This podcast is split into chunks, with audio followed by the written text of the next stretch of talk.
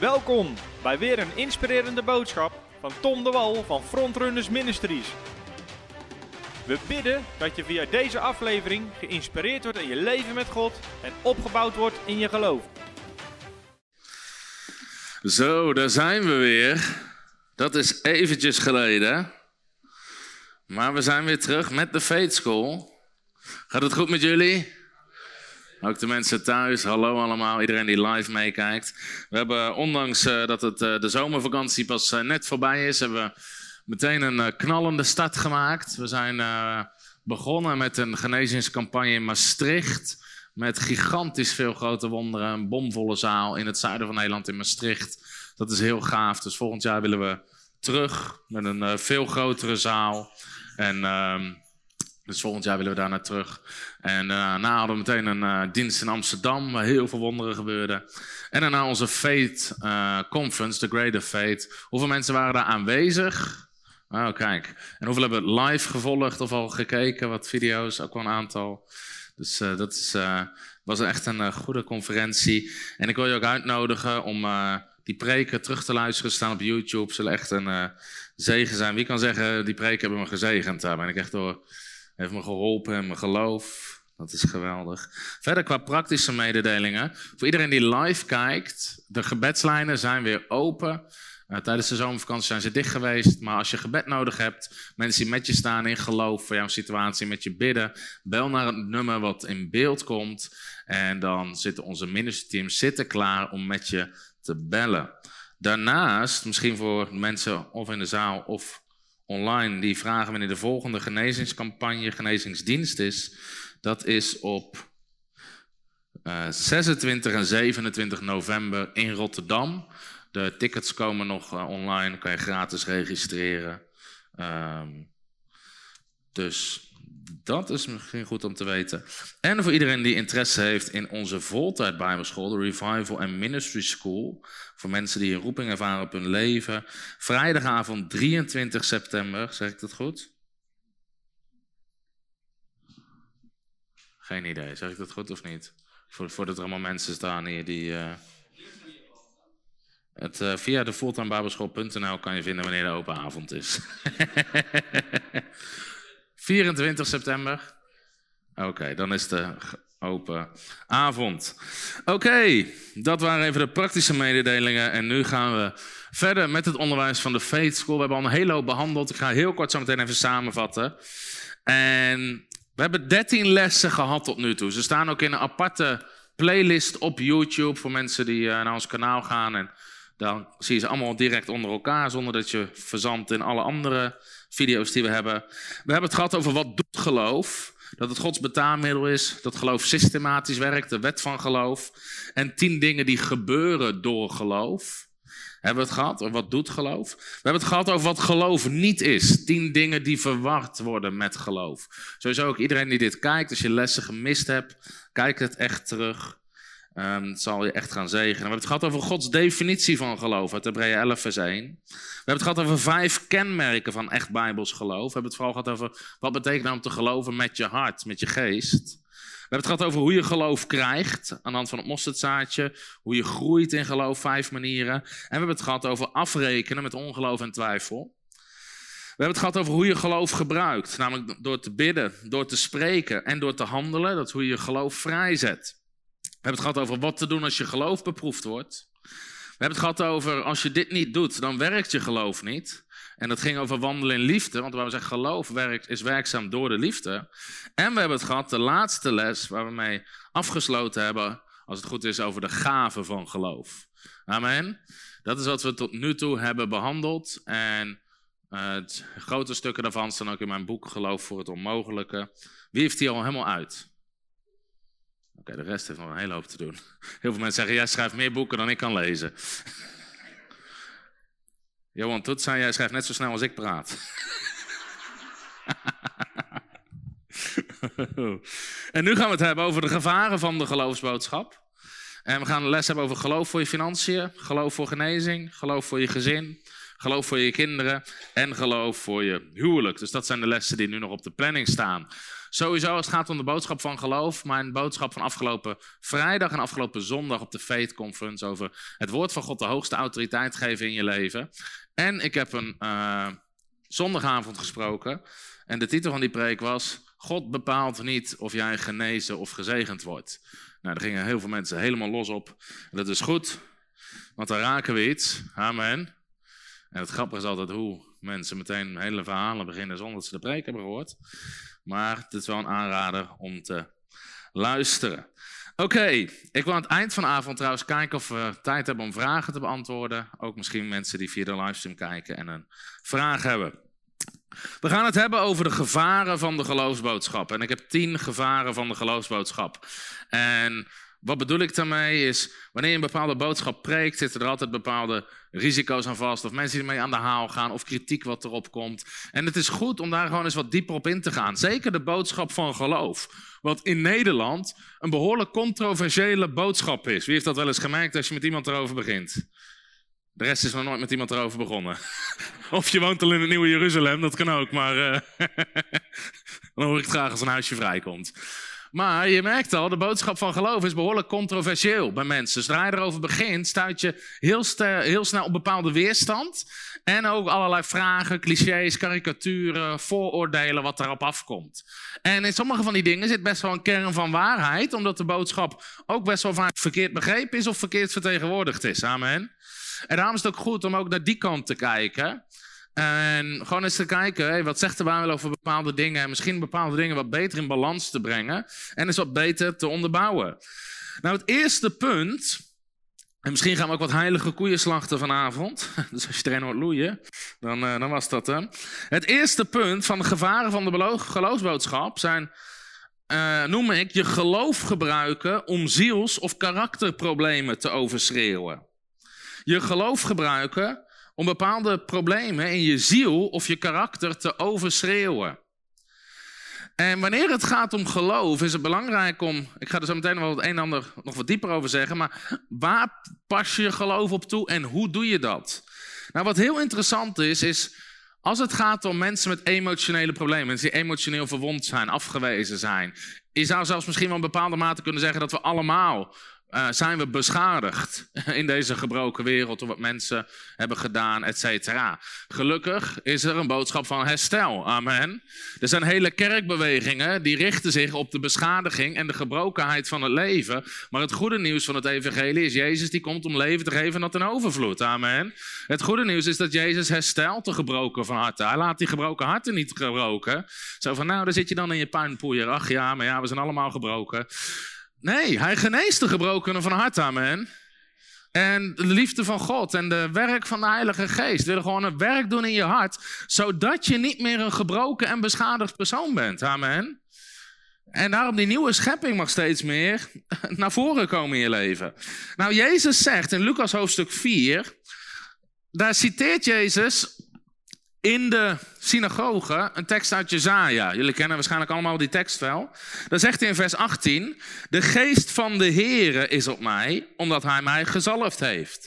Hij heeft mij gezonden om aan armen het evangelie te verkondigen, te genezen wie gebroken van hart zijn, om aan gevangenen vrijlating te prediken, aan blinden het gezichtsvermogen te geven, om verslagenen weg te zenden in vrijheid en om het jaar van welwagen, het jubeljaar, het jaar van herstel van de Here te preken.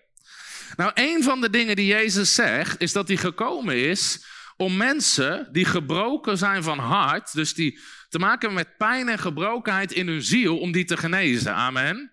Jezus zegt, daarvoor is hij gekomen. Nu wat voor veel mensen chockerend is, is Jezus doet dat nooit door gebed. Jezus zegt tegen niemand, zo, wees genezen van je afwijzing in Jezus' naam. Amen. Volgende. Wat we heel veel doen in de kerk. Amen. Zie je ontzettend gebroken mensen bij Jezus komen? Ja, ontzettend gebroken. Je ziet, de, je ziet de overspelige vrouw, denk aan een Zacchaeus. Um, je ziet allerlei soorten mensen, denk aan de vrouw bij de put. Maar Jezus bidt nooit voor ze, hij geeft een ontmoeting met genade. Amen. Ze ontmoeten altijd de liefde van God, wat een stuk herstel brengt in hun leven en wat ervoor zorgt dat jij zegt, ga heen en zondig niet meer. Amen. Na een ontmoeting met Jezus is dat verlangen om te zondigen überhaupt weg bij die mensen. Zacchaeus komt, komt spontaan tot bekering en begint mensen terug te betalen en recht te zetten, et cetera. Nou, het ding is dus als we bepaalde problemen hebben in de ziel. En kijk, je ziet in geen één Bijbelverhaal dat ze handen opleggen, zalven met olie voor mensen met emotionele problemen. Amen. Dus heel vaak zie je dat dat gebeurt bij mensen die misschien iets te. Hè, dan komen mensen, ja, ik worstel met een diep verdriet of een diepe pijn of een diepe rouw. En dan zeggen nou, rouw, ga weg in Jezus' naam. Amen. Zo, volgende. Ben je er al vanaf? Is het al weg? Nou, zo zie je Jezus omgaan met demonen. Zo zie je Jezus omgaan met ziekte, maar nooit met emotionele problemen. Amen. Dus dat is niet het antwoord. Geloof is wel het antwoord voor emotionele problemen, maar niet door handoplegging of zalven met olie. Ik zei op de Fate Conference ook, sommige mensen kan je zoveel zalven met olie dat ze net zo glibberig zijn als een frikandel uit frituurvet. Maar dat lost hun probleem niet op, omdat dat hun antwoord niet is. Amen. Dus er zijn bepaalde patronen, misschien in je ziel, mensen die bepaalde wonden hebben, maar die kan je niet met geloof gaan overschreeuwen. Wat mensen vaak dan geloof noemen, is gewoon een kop in het zand steken. Ik doe net alsof het er niet is. Terwijl juist die gebieden moet de liefde van God en de geest van God aanraken. En heb je eigenlijk ontmoetingen met Jezus nodig. En dat is ook de context van een gemeente, is daarom zo belangrijk. Waar je elkaar gewoon lief hebt. En waar eigenlijk vaak een heel herstelproces kan zijn voor mensen. Waar ze in genade aanvaard worden, niet veroordeeld worden. Dat is dan de theorie natuurlijk van de gemeente. Maar dat zou eigenlijk de bedoeling zijn. Dat op die manier ook gebroken mensen tot herstel komen. Amen. Dus dat gaat vaak niet met, nou even in geloof en uh, doe, alsof het er niet meer is. Zo, zo wordt het soms wel vertegenwoordigd in de kerk. Ik zeg niet dat het verkeerd is om met die mensen te bidden, om voor die mensen te bidden. Maar het is niet iets waar je je geloof op toepast, zo van boem en nou is het weg. Hetzelfde geldt voor burn-out. Burn-out is een behoorlijk gevoelig onderwerp, maar in praktijk komt het op neer dat je nooit een burn-out krijgt van gewoon fysiek te veel iets doen. Er heeft altijd een emotionele, ziels Iets zit daarachter wat ervoor zorgt dat je een burn-out komt. Dus het gaat, niet vaak door, het gaat niet door fysieke inspanning. Mensen die gewoon vanuit een gezond uh, emotioneel wezen kunnen 80, 90, 100, 120 uur werken in een week. Zonder ooit in een burn-out te komen. En tegelijkertijd zie je sommige mensen die met 30 uur werken in de week in een burn-out komen. En dus dat heeft niet te maken met hoeveel het werkt. Dat is niet een fysiek iets. Er zit iets anders achter en datgene moet opgelost worden in iemands leven. Dat neemt niet weg dat wanneer we te maken met emotionele problemen, dat daar een bepaalde wond kan staan waar wel demonen zich aan kunnen hechten. Dan heb je bijvoorbeeld over een geest van afwijzing. We hebben ook gigantische getuigenissen van mensen die Alleen er was niet van, nou, iemand kwam, had, had vijf weken een burn-out, kwam toen in de bevrijdingsdienst en was helemaal weg. We hebben wel getuigenis van mensen die al vier, vijf jaar in een burn-out zaten. Gewoon niks konden, die eigenlijk amper hier konden komen. En alleen dan zie je, op een gegeven moment is daar een patroon in hun leven ontstaan waar ook demonen zich aan zijn gaan hechten. Omdat het je de onderdeel hebt gemaakt van je identiteit bijvoorbeeld. En dan zie je wel dat mensen bijvoorbeeld krachtig vrijgezet kunnen worden, bevrijd worden en van de een op de andere dag alles weer kunnen. Maar goed, dat zijn, dat zijn vaak de uitzonderingen. Um, dus hetzelfde geldt voor emotionele problemen. Jezus dreef wel ontzettend veel demonen uit. En dus je hebt geest van afwijzing, geest van angst, al die dingen. Maar dan is vaak nog steeds de oplossing dat mensen ook op dat gebied van hun leven een ontmoeting nodig hebben met de genade van God. Want als jij nog steeds niet, nadat je bevrijd bent van je geest van afwijzing, weet dat je diep geliefd bent door de Vader, komt diezelfde geest van afwijzing weer via de achterdeur binnen. Dus die wond moet ergens dicht gaan, amen. En nu komt wel het onderwerp geloof om de hoek kijken. Dat je kan dat alleen maar in geloof gaan aanvaarden over je leven. Want mensen voelen zich niet zo. Amen. Dus soms zei iemand zei een tegen mij, sommige mensen die hele diepe afwijzing hebben of zo, die triggeren eerder op je geloofsboodschap in de negatieve zin van de woord. omdat ze zich veroordeeld voelen of zo. Ja, maar we doen niet goed genoeg of wat dan ook. Is, maar dat zijn juist de mensen die de geloofsboodschap nodig hebben. Niet van nou wees genezen van je afwijzing in Jezus' naam. Maar je moet ergens in geloof gaan aanvaarden wat God over jou zegt. Dat je kostbaar bent, dat je geliefd bent, dat je zijn geliefde kind bent, dat hij voor eeuwig van je houdt. Dat je gerechtvaardigd bent. Dat kan je alleen maar gaan ervaren in je leven moet je aanvaarden door geloof en gewoon accepteren wat God zegt dat het zo is. Amen. Dus dat is belangrijk om te beseffen. Dus geloof is nog steeds een onderdeel van het antwoord. Maar je moet dat wel in de juiste context plaatsen. Dus wanneer mensen zielsproblemen overschreeuwen, dan krijg je soms hele lelijke dingen. Tot op het punt waarop iedereen vanaf afstand een gapend gat in je ziel ziet en karakterproblemen, maar jij net doet alsof het er niet is. Kennen we die mensen? Je niet naar je buurman of je buurvrouw te zwaaien hoor, maar. Uh... nou, hetzelfde zie je bijvoorbeeld. dus, dus als je gewoon. Als je... Het ene kan waar zijn en het andere is tegelijkertijd ook waar. Dat vinden sommige mensen heel lastig.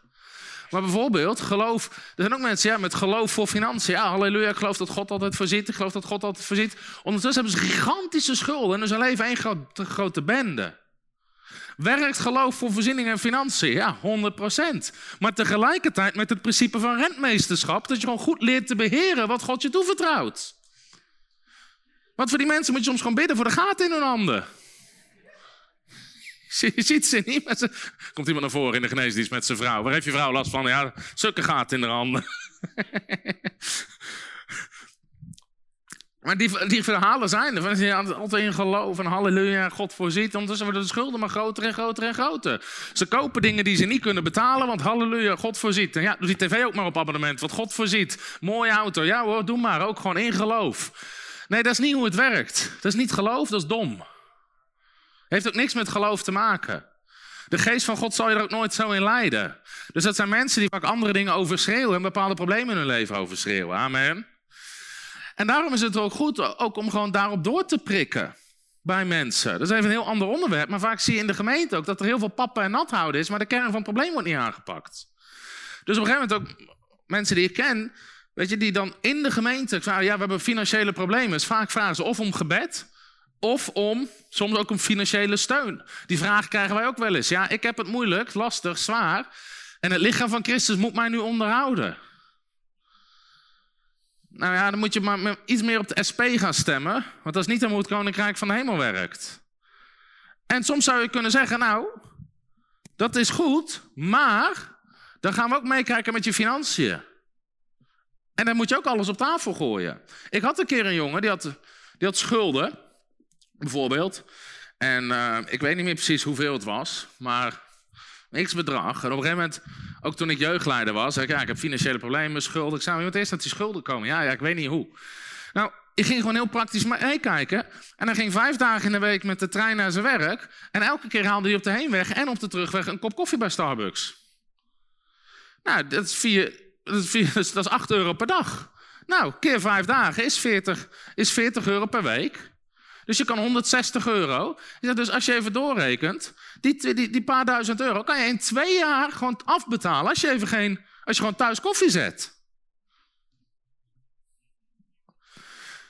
Voor dat soort mensen moet je niet bidden, moet je gewoon even een rekenmachientje naast gaan zitten.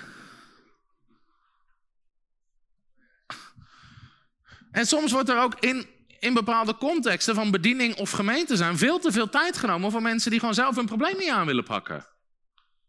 Als je gaat vasten, kan je ze in drie maanden aflossen.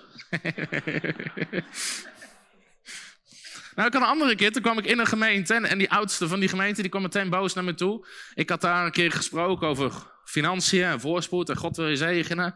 En die zei, ja, die boodschap jou van geloof en voorspoed, die werkt niet, zei die oudste. Ik zei, oh, uh, wat is er aan de hand?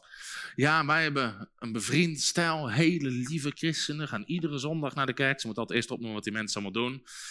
En uh, ja, ja, die hebben altijd financieel tekort, maar ze geloven ook echt in God en uh, God voorziet en al die dingen meer.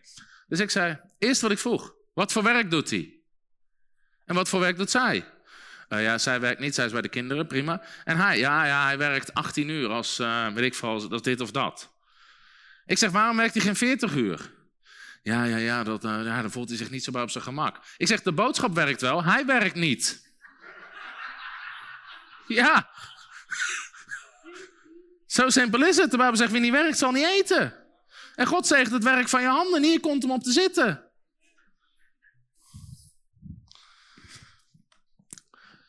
Dus vaak als je ook verhalen hoort van, ja, ja, dat, soms moet je eens gewoon eens doorvragen. En dan kom je erachter, die mensen werken niet. De boodschap werkt prima. Amen. Dus mensen pakken wel het ene principe van God zegentje, maar ze vergeten, ze vergeten verder te lezen. Het werk van je handen. ze laten alleen de eerste drie woorden. Dus, nou goed, wat dan nog misschien even een belangrijk ding is om te noemen. Als het gaat om mensen met, met problemen in hun ziel.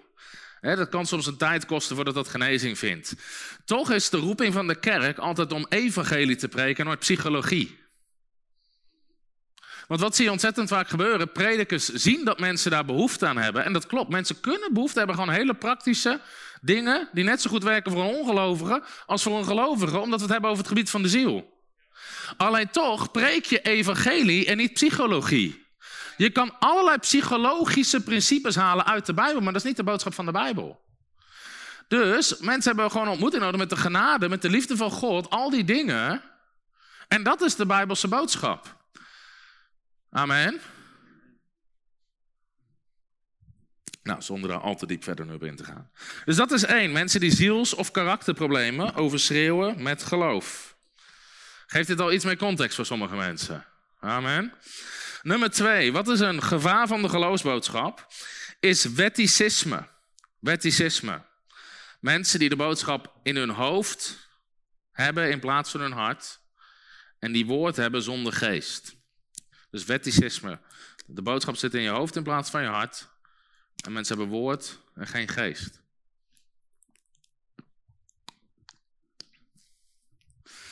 Nou, we hebben al gezien dat Paulus zegt in Romeinen 10, vers 10, met het hart gelooft men. Amen. Dat is niet je fysieke hart, dat spreekt over je wedergeboren geest. Dus geloof werkt vanuit je geest. Nou, het ding is, geloof werkt wetmatisch. Paulus noemt geloof de wet van geloof. Romeinen 3, vers 27, wat betekent geloof werkt altijd hetzelfde voor iedereen. Iedereen die gered wil worden, werkt op dezelfde manier. Je hoort het evangelie, je gelooft het evangelie, je gelooft het in je hart, je beleidt het met je mond. Weet je, dat werkt voor iedereen hetzelfde. Dus Jezus ging er altijd vanuit dat voor iedereen geloof hetzelfde werkt. met, de, met, de, met de vijgenboom en de berg, heb geloof in God. Want voorwaar ik zeg u, wie dan ook tegen deze berg zal zeggen, wie dan ook. Het werkt voor iedereen die dit doet, op deze manier zal het werken. Amen. Dus geloof werkt in die zin wetmatisch. Het gevaar daarvan is dat de mensen die het verkondigen, of de mensen die het verkeerd pakken, wettisch worden. En wat ik daarmee bedoel, is dat je, mensen hebben het wel in hun hoofd en niet in hun hart. En dan zie je dat mensen het ook op die manier verstandelijk toepassen in hun eigen leven, maar ook proberen op te leggen op anderen. ga ik straks nog wat meer over zeggen. Dus, en als je niet uitkijkt bij sommige mensen, krijg je een soort nieuwe wet. Ook nog eens een keer vol veroordeling voor mensen die het niet goed toepassen in hun ogen. En in één keer zijn ze constant bezig om anderen te veroordelen wat die niet goed doen in hun ogen. Heb je trouwens ook gezien met, uh, voor de mensen, op een gegeven moment had, je ook de hele genadebeweging in Nederland. Sorry dat ik het zeg, maar dat waren de meest wettische mensen die ik ooit had ontmoet. En iemand zegt, ja, ja, ja, dat was echt heel erg. Voor die mensen kon je nooit iets goed doen. Dus ze, waren, ze hadden ergens een beeld van genade van God naar hun toe, maar van zichzelf genadig zijn naar iemand anders die ergens iets anders overdacht of jouw openbaring nog niet had, dat zat er nog niet helemaal in. Dus dan had je in de genadebeweging in één keer superwettische, veroordelende, bekritiserende mensen zitten. Nou, dat heeft gigantisch veel schade gedaan aan een schitterende openbaring van God over genade. Nou, en hetzelfde kan dus gebeuren met de geloofsboodschap. Dus je krijgt mensen die wettisch zijn, vaak ook geen vrucht in hun leven hebben. dus je krijgt mensen bijvoorbeeld heel streng in genezing geloven, maar zelf nooit genezen zijn. En dan krijg je die wetten. Je mag geen negatieve woorden spreken. Je moet geloof spreken. Je mag niet herhalen wat de dokter heeft gezegd. Je moet afscheid nemen van mensen met ongeloof in je leven. Nou, in alles wat ze zeggen zit een bepaalde kern van waarheid. Zitten krachtige principes. Maar zodra je dit als wet op iemand anders gaat leggen of op je eigen leven gaat leggen, zonder dat je er openbaring over hebt in je geest, produceert het geen vrucht, alleen maar wetticisme en veroordeling en een hele hoop schade. Amen. Dus je kan dat niet zo op een ander leggen. En dan krijg je dit mag niet, dat mag wel. Dan krijg je de confession police, weet je wel. Zodra iemand iets zegt wat niet meer zo, woe, dat mag je niet zeggen. Soms als mensen aan mij vragen, ja, maar mag ik dat dan niet zeggen? Je mag alles zeggen. Je krijgt alleen wat je zegt, maar je mag alles zeggen. Je moet het zelf weten. Dus probeer het nooit als wet aan iemand anders op te gaan leggen.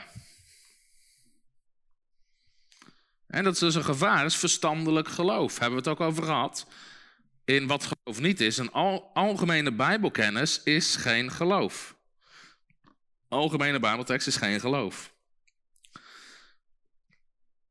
Dus het feit dat je gewoon Bijbelkennis ergens over hebt, betekent niet dat je ergens geloof voor hebt. En dat blijft altijd iets belangrijks om te beseffen. dus ik kwam er op een gegeven moment achter dat over mijn onderwijs, bijvoorbeeld wat ik breng over demonie en bevrijding. Hoeveel mensen hebben dat gehoord? Voor hoeveel mensen zaten er echt nieuwe dingen in over demonen, wat vandaan komt, de geestelijke wereld, al die dingen meer. Nou, op een gegeven moment kwam ik erachter dat er een hele grote groep theologen is die gigantisch ver is in die materie. En die bepaalde gewoon doctrine over demonie, bevrijding, boze machten, de geestelijke wereld veel beter hebben staan als bekende predikers in de Pinkster of charismatische beweging. En die hebben daar gigantisch veel kennis over. Maar dat is geen geloof, want je wordt nog nooit. Joh, in heel boeken lees je geen één demon die ooit uitgedreven is. Sommigen weten precies waar ze vandaan komen, hoe het zit. Dit, en er zitten echt, nogmaals, hele krachtige waarheden in. Maar dat is nog geen geloof. Je hebt mensen die kunnen. Ik hoorde ooit een keer iemand spreken gewoon over demonie en bevrijding. En op een gegeven moment. Het klonk allemaal wel goed, maar op een gegeven moment dacht ik van. Ergens merkte ik, er klopt iets niet. Aan het eind van de avond was er gelegenheid om vragen te stellen. vroeg ik, joh, heb je wel eens een demon uitgedreven? Ja, nee, nog nooit. Ik ben gewoon gevraagd om over dit thema te spreken. En ergens is een aantal dingen die ik uit het onderwijs hoorde. Dat ik van, nou, het lijkt wel alsof je dat nooit gedaan hebt. Nou, dat bleek ook zo te zijn. En dat zie je dus met, met allerlei dingen. Hè. Je hebt echt theologen bijvoorbeeld over onder studies over de Heilige Geest en over de gaven. Man, daar kun je gigantisch veel van leren. Maar als ze in een dienst spreken, is de Heilige Geest nergens te bekennen hoor. En hoe ze in de gaven moeten functioneren, dat weten ze ook niet. Hebben ze nog nooit gedaan. Maar ze kunnen theologisch helemaal perfect uiteenzetten. Hetzelfde met kerkgroei. Je hebt natuurlijk gigantische boeken over het boek Handelingen, kerkgroei, sleutels. Maar heel vaak de mensen die het schrijven hebben zelf geen grote kerk. Dus er zit gewoon een verschil tussen hoofdkennis en geloof hebben in je hart om het te produceren.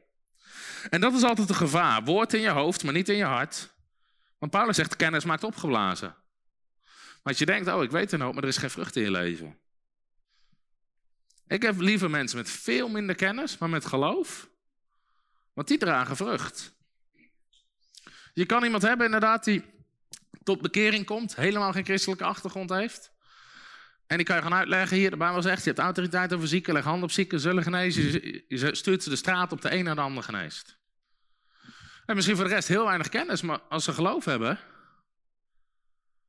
nou, dat is ook een valkuil. Zie je bij heel veel christenen. Als ik meer kennis heb, heb ik meer geloof, denken heel veel mensen. Maar dat is niet zo. Je hoeft echt geen nieuwe Bijbeltekst te leren om geloof voor genezing te hebben. Misschien moet de tekst die je al lang gehoord hebt naar je hart zakken. En openbaring over krijgen. Amen. Dus dan krijg je woord in je hoofd, maar niet in je hart. Wel kennis, geen geloof. En sommige mensen hebben een grote mond, maar geen vrucht. En daar wil ik sowieso van Kijk, als je ergens enthousiast over bent, zorg dat je de vrucht hebt in je leven, dat mensen jou ernaar vragen. En dan krijg je een heel ander, hele andere ingang. Amen. Dus dat gaat over algemene Bijbelkennis. En daarnaast je dus gewoon verstandelijk instemmen. Dus ja, ik geloof dat de Bijbel waar is. En iedereen zou zeggen, ja, ik geloof dat Marcus 16, vers 17 waar is. Leg handen op zieken en ze zullen genezen. Maar als er nou iemand in een rolstoel naar voren aan en zeggen, oké, leg hem de handen op, genezen hem. Dan zie je van, nou, ik, eh, ja, kan dat wel zo? Terwijl ze er allemaal mee in zouden stemmen dat die tekst waar is. Dus je moet een niveau dieper gaan. Wanneer dat niet zo is, krijg je dus wettische mensen, veroordelende mensen, die precies weten hoe het wel en niet moet, maar die geen vrucht hebben in hun leven. Amen. Dus dat is ook een belangrijk iets om te beseffen. Dus het feit dat je Gods woord bijvoorbeeld dat je het woord, dus dat zie je ook veel. Dus dit bedoel ik even met gevaren van de geloofsboodschap. Dan hoor je wel, ja, die had echt geloof, want die proclameerde iedere dag. Wel eens gehoord zoiets? Nou, het feit dat je iedere dag proclameert, betekent niet dat je geloof hebt. Als je geloof hebt, zal je proclameren, zal je mond beleiden, maar je kan die principes niet omdraaien. En dan, dan dat gebruiken als een soort bewijsmateriaal. Als je geloof hebt, ga je handelen, maar het feit dat je handelt betekent niet dat je geloof hebt. Dus nou, dat wetticisme kan ook in kerken een hele, heel ding worden. Je een hele wettische, veroordelende cultuur krijgt. Waar mensen wel en niet mogen zeggen, doen en laten. Terwijl je moet mensen altijd in genade meenemen naar de openbaring die jij hebt. Want anders krijg je dus mensen die wel voor de gedragsvormen zich aanpassen, maar helemaal geen innerlijke openbaring hebben. Dus ja, ik zeg bepaalde dingen maar niet, want dat mag blijkbaar niet. Maar ze hebben helemaal geen openbaring over het feit dat dood en leven in de macht van de tong is. Dat je kan zegenen, kan vervloeken, dat je dingen tot aanzien kan spreken. Maar ja, ze gedragen zich wel in het keurslijf. Dus vervolgens is er nog eens een keer geen vrucht. En de schade is gewoon gigantisch groot. Dus je moet mensen altijd mee zien te nemen in de openbaringen die jij hebt. Amen. Dus niet alleen het principe opleggen, maar neem mensen mee in de reis er naartoe.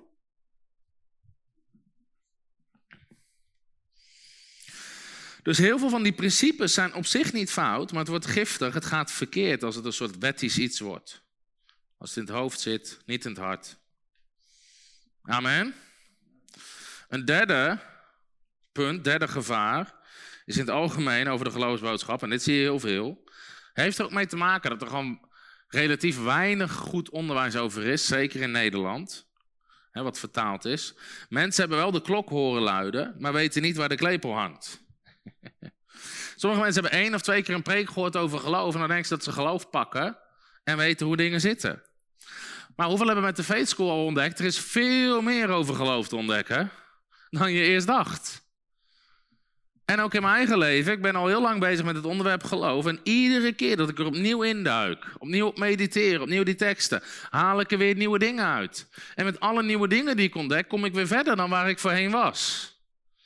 En het gevaar is dus dat mensen een heel klein stukje pakken en dan denken dat ze de boodschap hebben. Nou, je moet ergens natuurlijk moet je gewoon, moet je gewoon gaan beginnen met wat je weet. Maar het is wel belangrijk om je erin te verdiepen. dus ik heb het ook gehad over de fundamenten en de componenten. Je hebt gewoon de grote pilaren, die fundamenten. Maar je hebt ook gewoon kleinere componenten of principes die mensen moeten pakken. dus mensen die bijvoorbeeld dingen verwarren met geloof.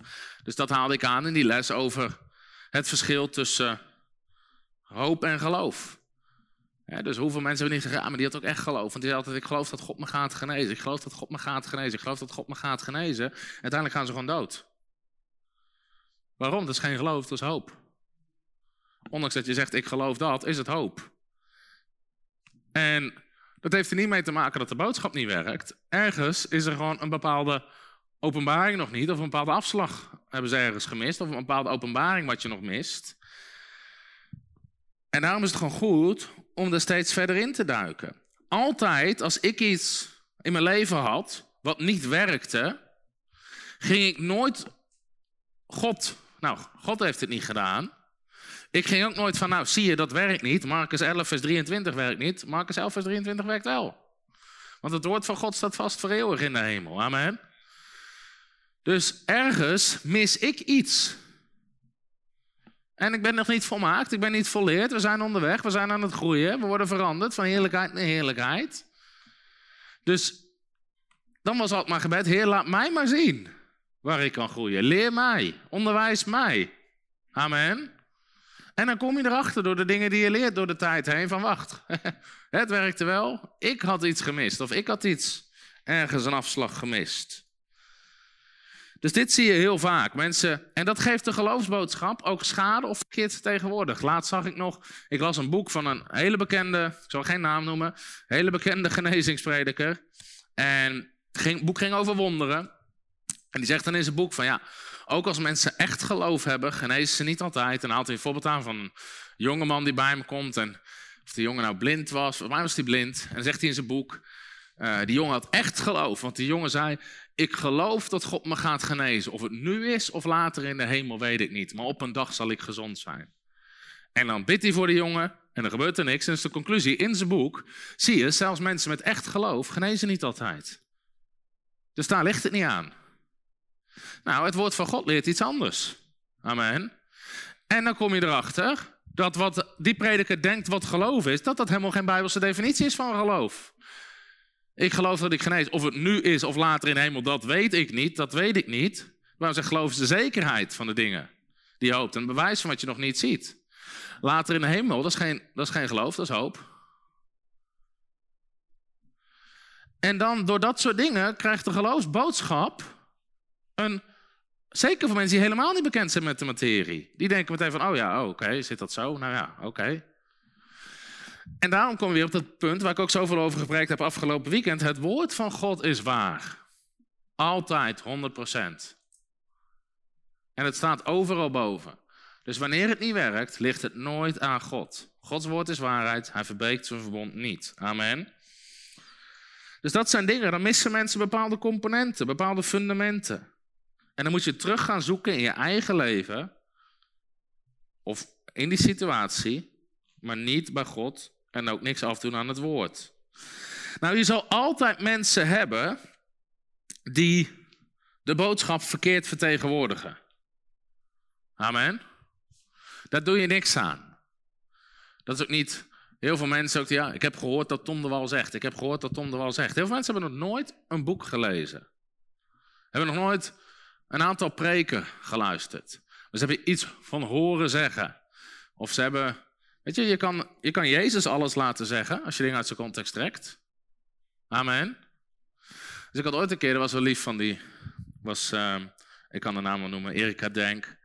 En op een dag kwam ze hier aanrijden en zat de auto vol cadeaus voor het hele team. En uh, ik, eh, ik had haar nog nooit ontmoet. En toen, uh, dus kwam binnen, ik zei, ik wil je gewoon bedanken. En zei, ik hoorde zoveel voorgangers negatief over dat het dwaalleren is en al die dingen. Dus zij dacht, nou, ik ga het gewoon eens luisteren. En uiteindelijk zegt ze, ik heb 200 preken geluisterd. Ik ben zo gezegend, zo opgebouwd. En ik heb geen één ding gevonden wat niet klopt. Dus ik wil je gewoon bedanken voor wat je doet in Nederland. Dat was een hele leuke ontmoeting. Maar mijn punt is, heel veel van die mensen die dat roepen, hebben nooit een preek gehoord. Mensen die kritiek hebben op onze genezingsdiensten zijn er nog nooit geweest. Dus dan zie je altijd de mensen die er wel geweest zijn. Ja, ik was er, ik ben genezen, mijn dochter is genezen, mijn broertje heeft zijn leven aan de Heer gegeven. Die zijn allemaal genezen en gezegend en gered. En de mensen die er niet waren, die hebben de kritiek. En dus je moet altijd goed kijken ja, naar wie luister je. En zoek, en dat gaat niet alleen voor ons, dat gaat over alles. Onderzoek dingen gewoon in de context. Als je iets wil weten, lees het hele boek. Luister de hele preek, luister meerdere preken. Amen. Dus ik heb dat jaren terug al een keer geleerd. Toen, ik zal geen naam noemen, maar was een bepaalde gigant, een van de grootste bedieningen van Amerika nodig me uit om daar te komen spreken. En ik had er helemaal geen zin in. Want al die mensen die ik kende die bediening vertegenwoordigd in Nederland, vond ik verschrikkelijk. Ik kon gewoon niet mee overweg. Ik dacht, man, het zijn zulke vaak wettische, veroordelende. En ik vond helemaal geen fijne mensen. Dus ik werd, ik werd uitgenodigd. Dus ik dacht, nou ja, ik ga wel. Dus uh, ik ging daarheen. Op een gegeven moment ontmoette ik die man. Dus dat is een van de bekendste bedieningen ter wereld. En ik dacht van, nou, hij zal ook wel zo vervelend zijn. Hebben ze vast van hem. Maar bij hun was alleen hun bijbelschool was goed, dat was de beste en al het andere was fout, weet je. Hun dit, hun dat, hun zus. Dus ik ontmoette die man en ik dacht van ja, die gaat vast vragen, ja, waarom geef je niet leiding aan mijn bijbelschool en waarom ben je niet dit? En het was de meest lieve, zachte, nederige man ooit die ik ontmoet had. Was enthousiast over alles wat we deden, was gewoon blij, zegenend. En toen dacht ik, nou, de echo is heel anders dan de echte stem. En daar ook de boodschap die hij daar predikte, dacht ik, man, hoe ze in Nederland die boodschap vertegenwoordigen, lijkt in de verste vetten niet op de stem zelf. En dat zijn best wel interessante dingen om van te leren. Amen. Nou, ook wanneer je de boodschap aan anderen over wil geven, zijn er, pak heel even snel een bordje erbij. En dit geldt voor alles over bijbelse waarheden. Wanneer je bezig bent om andere mensen, weet ik veel, iets proberen erbij te brengen. Je hebt drie dingen en die moeten eigenlijk, je hebt waarheid. Het woord van God is waarheid. Maar de Bijbel zegt ook, spreek de waarheid in liefde. Dus twee is liefde. Je hebt waarheid, liefde en wijsheid. Nou, je hebt vaak alle drie nodig Je hebt alle drie nodig soms om iemand te bereiken op het juiste moment. En als je, als je de een van die mist, gaat het mis. Als je wel de liefde vertelt en heel veel wijsheid, maar niet de waarheid, ben je er geen reet mee opgeschoten. Heb je mensen misleid. Amen. Maar als je wel de waarheid vertelt, maar niet in liefde of zonder de juiste wijsheid, komt het ook niet aan. Dus op een gegeven moment, dat is bijvoorbeeld echt van heel lang geleden, maar dat, dat haal ik aan aan voor die verschillende soorten geloof. Dat mijn oma was ziek, had kanker. Op een gegeven moment zei ik tegen mijn moeder, ja, heeft oma nog geen geloof? Was helemaal niet handig om te zeggen. Maar ik was een babychristen en die maken wel vaker overal een rotzooitje van. Amen. Net zoals gewoon kinderen alles eruit roepen, gooien wat ze denken. Doen babychristenen dat soms ook. Dat is eigenschap van een babychristen. Dat is eigenschap van een kind. Toevallig Femke, Chloe is nou, ik vertelde ook op de Great Fate, Chloe is nou 12, eh, 13 weken. Dus uh, Femke dacht, nou laat ik eens kijken of ik mijn spijkerbroeken weer pas. Dus die hadden heel lang natuurlijk opgestapeld gezeten in de kast. Dus Fem probeert gewoon de voeten erheen te duwen. Maar dat, dus moet je uit elkaar trekken. En Matthew staat er mij en roept... Ach mam, je voet past niet eens.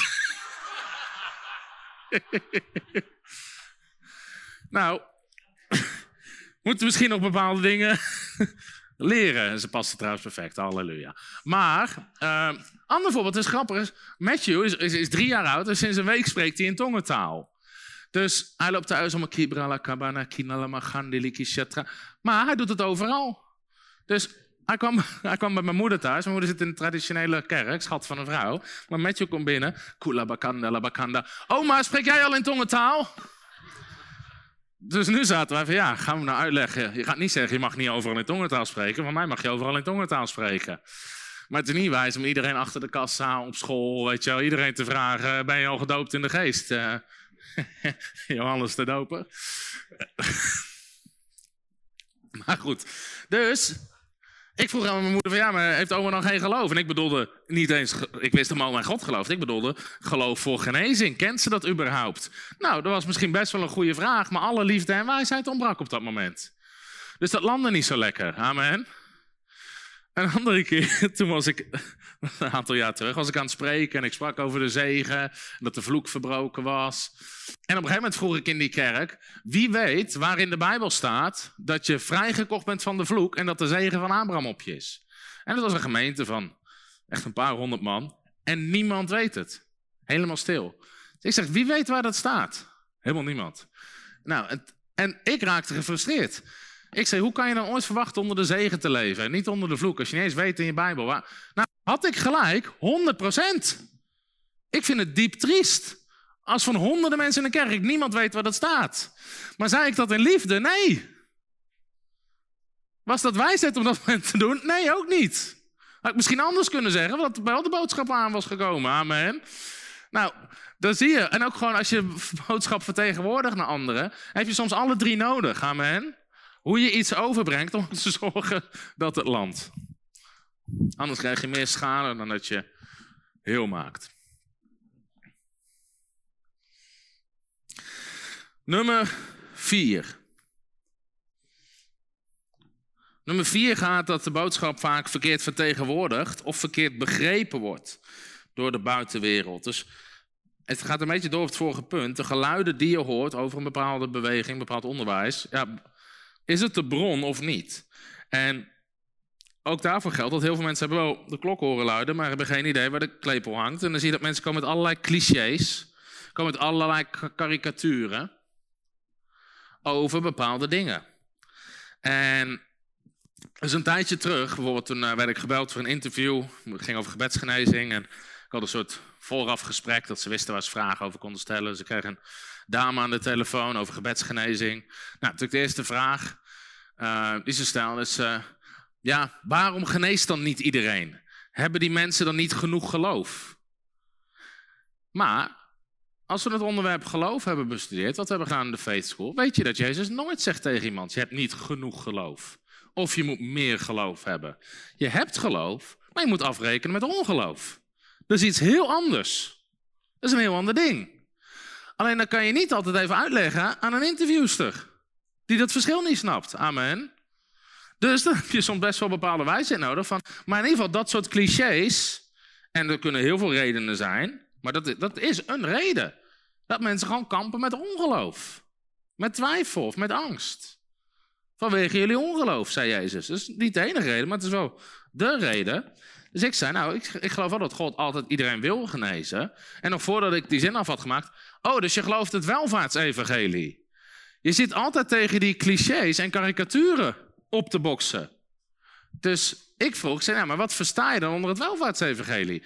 En dat is vaak een hele goede vraag. Als je te maken hebt met dat soort dingen. Beste kan je trouwens helemaal niet in discussie gaan met fariseeërs, maar dat, uh, dat heeft nog geen zin. Maar als je dan toch in gesprek gaat met mensen, vraag dan gewoon eens wat zij geloven. Of wat hun vrucht is. Want je ziet heel vaak mensen die heel veel kritiek hebben op iemand die in genezing wandelt. Hebben zelf nog nooit iemand genezen. Is het gewoon wijzer om gewoon niks te zeggen. Totdat je meer resultaat hebt. En dan zou je die ander kunnen zeggen hoe die het moet doen. Amen. Maar als je dan vraagt, ja, maar wat geloof je dan? Zelfs, ja, maar geloof je dan Kingdom Now? Nou, wat bedoel je met Kingdom Now? Geloof ik dat het koninkrijk van God er nu al is? Ja, dat is logisch, want jij zegt zoek eerst het koninkrijk. Dat is heel lullig als je het aan het zoeken bent, maar het is er niet. Amen. Jij zegt koninkrijk van God is binnen in u. Of was Jezus een leugenaar?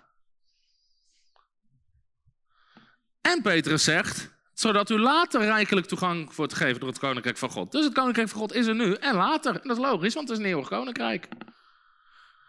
Dus, maar mensen plakken meteen ergens een label op. Kingdom Now. Uh, welvaartsevangelie. Ja, wat bedoel je met welvaartsevangelie? Ja, hoe meer geloof je hebt, hoe rijker je wordt. Nee, geloof ik niet. Ik ken ook niemand die dat gelooft. Dus soms is het goed om te zeggen, maar wat geloof je dan zelf? Geloof je zelf het armoede-evangelie? Er is maar één evangelie, dat is het evangelie van het koninkrijk. En in het koninkrijk van God is voorziening en zegen, amen. Maar soms is het goed om mensen terug te vragen, in ieder geval. Maar dat zijn vaak geluiden die naar buiten klinken. En die je naar je toe gegooid krijgt. dus een ander voorbeeld was, zou een seminar doen voor jeugd. En dan mochten voorgangers mochten over genezing. En dan gingen voorgangers gingen vragen instellen naar mij. Nou, heel van die voorgangers stelden geen vragen, zodat die jongeren meer konden leren. Die wilden mij onderuit halen. Dus wat doe je met iemand die niet geneest? Ik stel gewoon een vraag terug. Wanneer ben je opgehouden met geloven voor genezing voor die persoon? Toch een simpele vraag. Ja, we hebben drie keer gebeden. Ik zei, nou oké, dan heb je daar je antwoord. Dat, dat is het probleem. Niet, er is niks mis met onderwijs, maar de manier waarop jij het benadert, ja, we bidden drie keer en als dat niet gebeurt, geven we op. Dat is geen bijbelse lijn. Dus heel vaak door gewoon vragen terug te stellen aan mensen, kom je een stuk verder. Maar mijn punt is dat heel vaak wordt het door de buitenwereld wordt het verkeerd vertegenwoordigd. Krijg je clichés, krijg je karikaturen, dat soort dingen. En dat is iets goeds om je van bewust te zijn. Het geldt voor alles. Um, om je daar bewust van te zijn. Want heel veel van die karikaturen doen ook enorm veel schade aan. Mensen denken, oh, dat geloof ik niet. Ze hebben nooit goed onderzocht wat het is. Ze zoeken soms überhaupt niet op wat de Bijbel erover zegt. In plaats van opzoeken wat de Bijbel erover zegt. Dus een, uh, een, hele tijd geleden ik een, uh, wilde een aantal theologen met mij een discussie gaan over mijn boek Jezus aanraken. Nou, ten eerste, Jezus aanraken is geen theologisch boek over genezing. Het is een doe-het-zelf boek. Het doel van het boek is niet om van Genesis tot en met openbaring iedere tekst en komma over genezing uit te pluizen. Het doel van het boek is mensen geloof geven voor genezing, zodat ze genezen. Als je dat als een theologisch boek gaat bestuderen, ja, dan kan je er vast iets op en aanmerken. Dat betekent niet dat we daar geen antwoord op hebben, of dat we niet aan gedacht hebben. Dat is helemaal niet het doel van het boek. Amen. Maar goed, op een gegeven moment zat ik in gesprek met die mensen. En een van die man zegt, ja, maar wat zijn de pastorale consequenties van jouw boodschap? Als mensen niet genezen. Want jij predikt dat God wil genezen. Als ze dan niet genezen, wat zijn de pastorale consequenties van je boodschap? Jij geeft mensen valse hoop. Nou, ten eerste geef ik geen, mensen geen valse hoop, ik geef mensen geloof. Dus jij gaat er al vanuit dat mensen überhaupt niet genezen. Dus ik zeg, wat zijn de pastorale consequenties van jouw boodschap? Want jij preekt geen genezing, dus bij jou gaan ze sowieso dood. Ja, dat zijn de past. Bij jou hebben ze helemaal geen hoop. Bij mij was het nog vals hoop.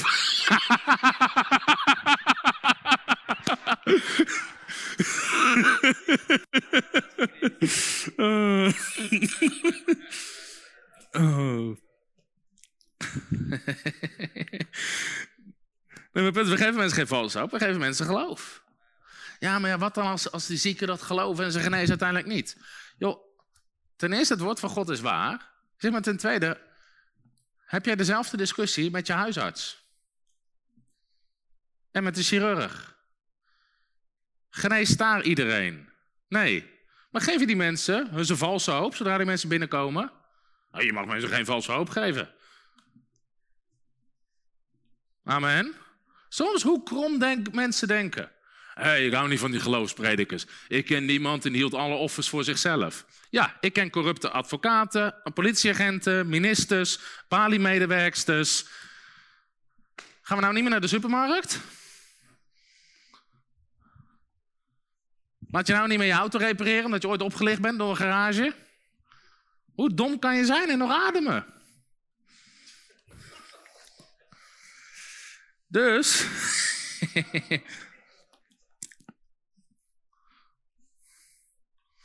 Mijn punt is, weet je, heel vaak worden die dingen verkeerd vertegenwoordigd. En krijg je dus valse clichés over valse hoop. We geven mensen geloof. En niet iedereen pakt de boodschap. En nogmaals, het ligt niet aan het woord van God. God wil altijd genezen. Maar genezen er meer dan dat je het niet preekt. Amen. Dus laatst kreeg ik ook een reactie op een video. Ja, ik ken iemand die heeft die zeven stappen van jou toegepast en die is toch overleden. Nou, ik ken nog honderd die zijn wel genezen. Waar is God? Amen. Weet je, zelfs als iemand overlijdt, terwijl die bezig is met de principes van geloof en uit het woord van God, ik heb meer respect voor iemand die sterft in geloof dan dat hij leeft in ongeloof.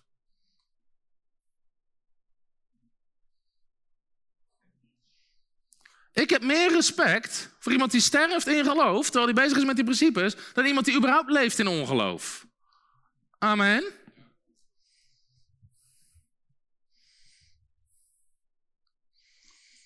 Dus daar kan, ik, daar kan ik respect voor hebben. Meer dan voor mensen die het bekritiseren. In plaats van de boodschap te bekritiseren, zou je respect moeten hebben voor die persoon. Die met de kennis, de wijsheid, openbaar die hij had, de principes heeft toegepast, daarmee aan de gang ging. Beter dan jou en je ongeloof. Amen.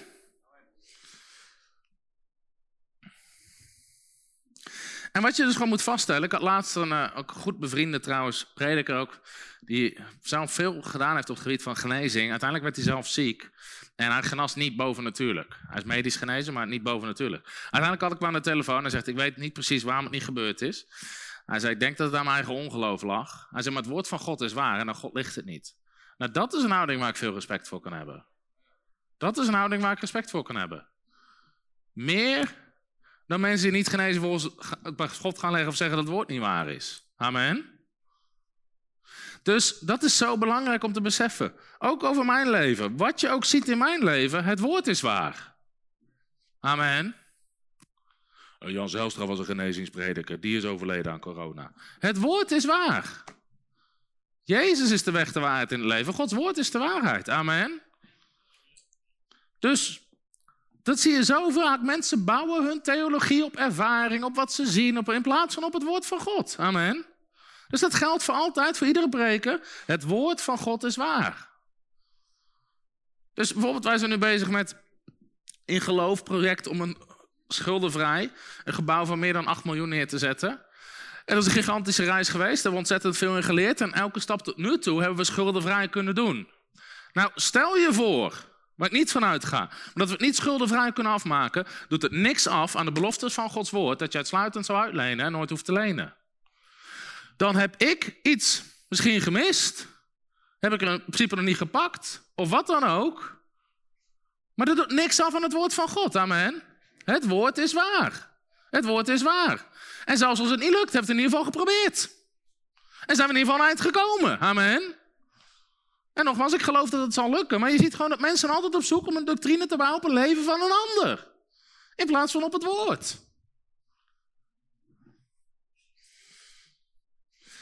Dus dat is een gevaar. Mensen die het zelf nooit goed onderzocht hebben. Met clichés, karikaturen aan de slag gaan. En andere mensen daarin meenemen. En soms ook gewoon roven. Nummer vijf, wat is een ander risico of gevaar van de geloofsboodschap? Is leven in ontkenning in plaats van geloof. Leven in ontkenning in plaats van geloof. Valt ook in de categorie, ik heb de klok horen luiden, maar ik weet niet waar de lepel hangt. Mensen die ontkennen. Nou, dit heeft heel veel schadelijke verhalen. Iemand die de diagnose kreeg van de dokter dat hij ehm, kanker, kanker had en dat iemand zei van nou, ik heb het niet, ik heb het niet, ik heb het niet en uiteindelijk stierf. Hoeveel mensen kennen, hebben ooit een soort gerelateerd verhaal gehoord of meegemaakt hier? Gaan 10, 15 handen de lucht in. Nou, ten eerste heb ik al in die les behandeld, er zit een verschil tussen geloof en angst. Bij heel veel mensen is dat niet vanuit geloof, maar vanuit angst. dus een soort struisvogelpolitiek. Ik steek mijn kop in het zand, hoef ik er niet over na te denken. Maar leven in ontkenning, dus dat is een voorbeeld. Ik ben niet ziek, ik ben niet ziek. En die mensen gaan hartstikke dood. Waarom? Jezus zegt niet in Marcus 11, voorwaar, voorwaar, ik zeg als u doet alsof de berg er niet is, en zegt dat de berg er niet is, zal die er niet zijn.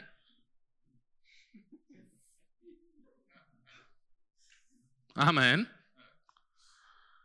Dus Jezus doet nooit alsof het. Ik heb ook wel eens iemand horen zeggen: ja, ziekte is een leugen. Ziekte is een leugen. Dan is Jezus geen genezer, maar een goochelaar. Dus ontkennen.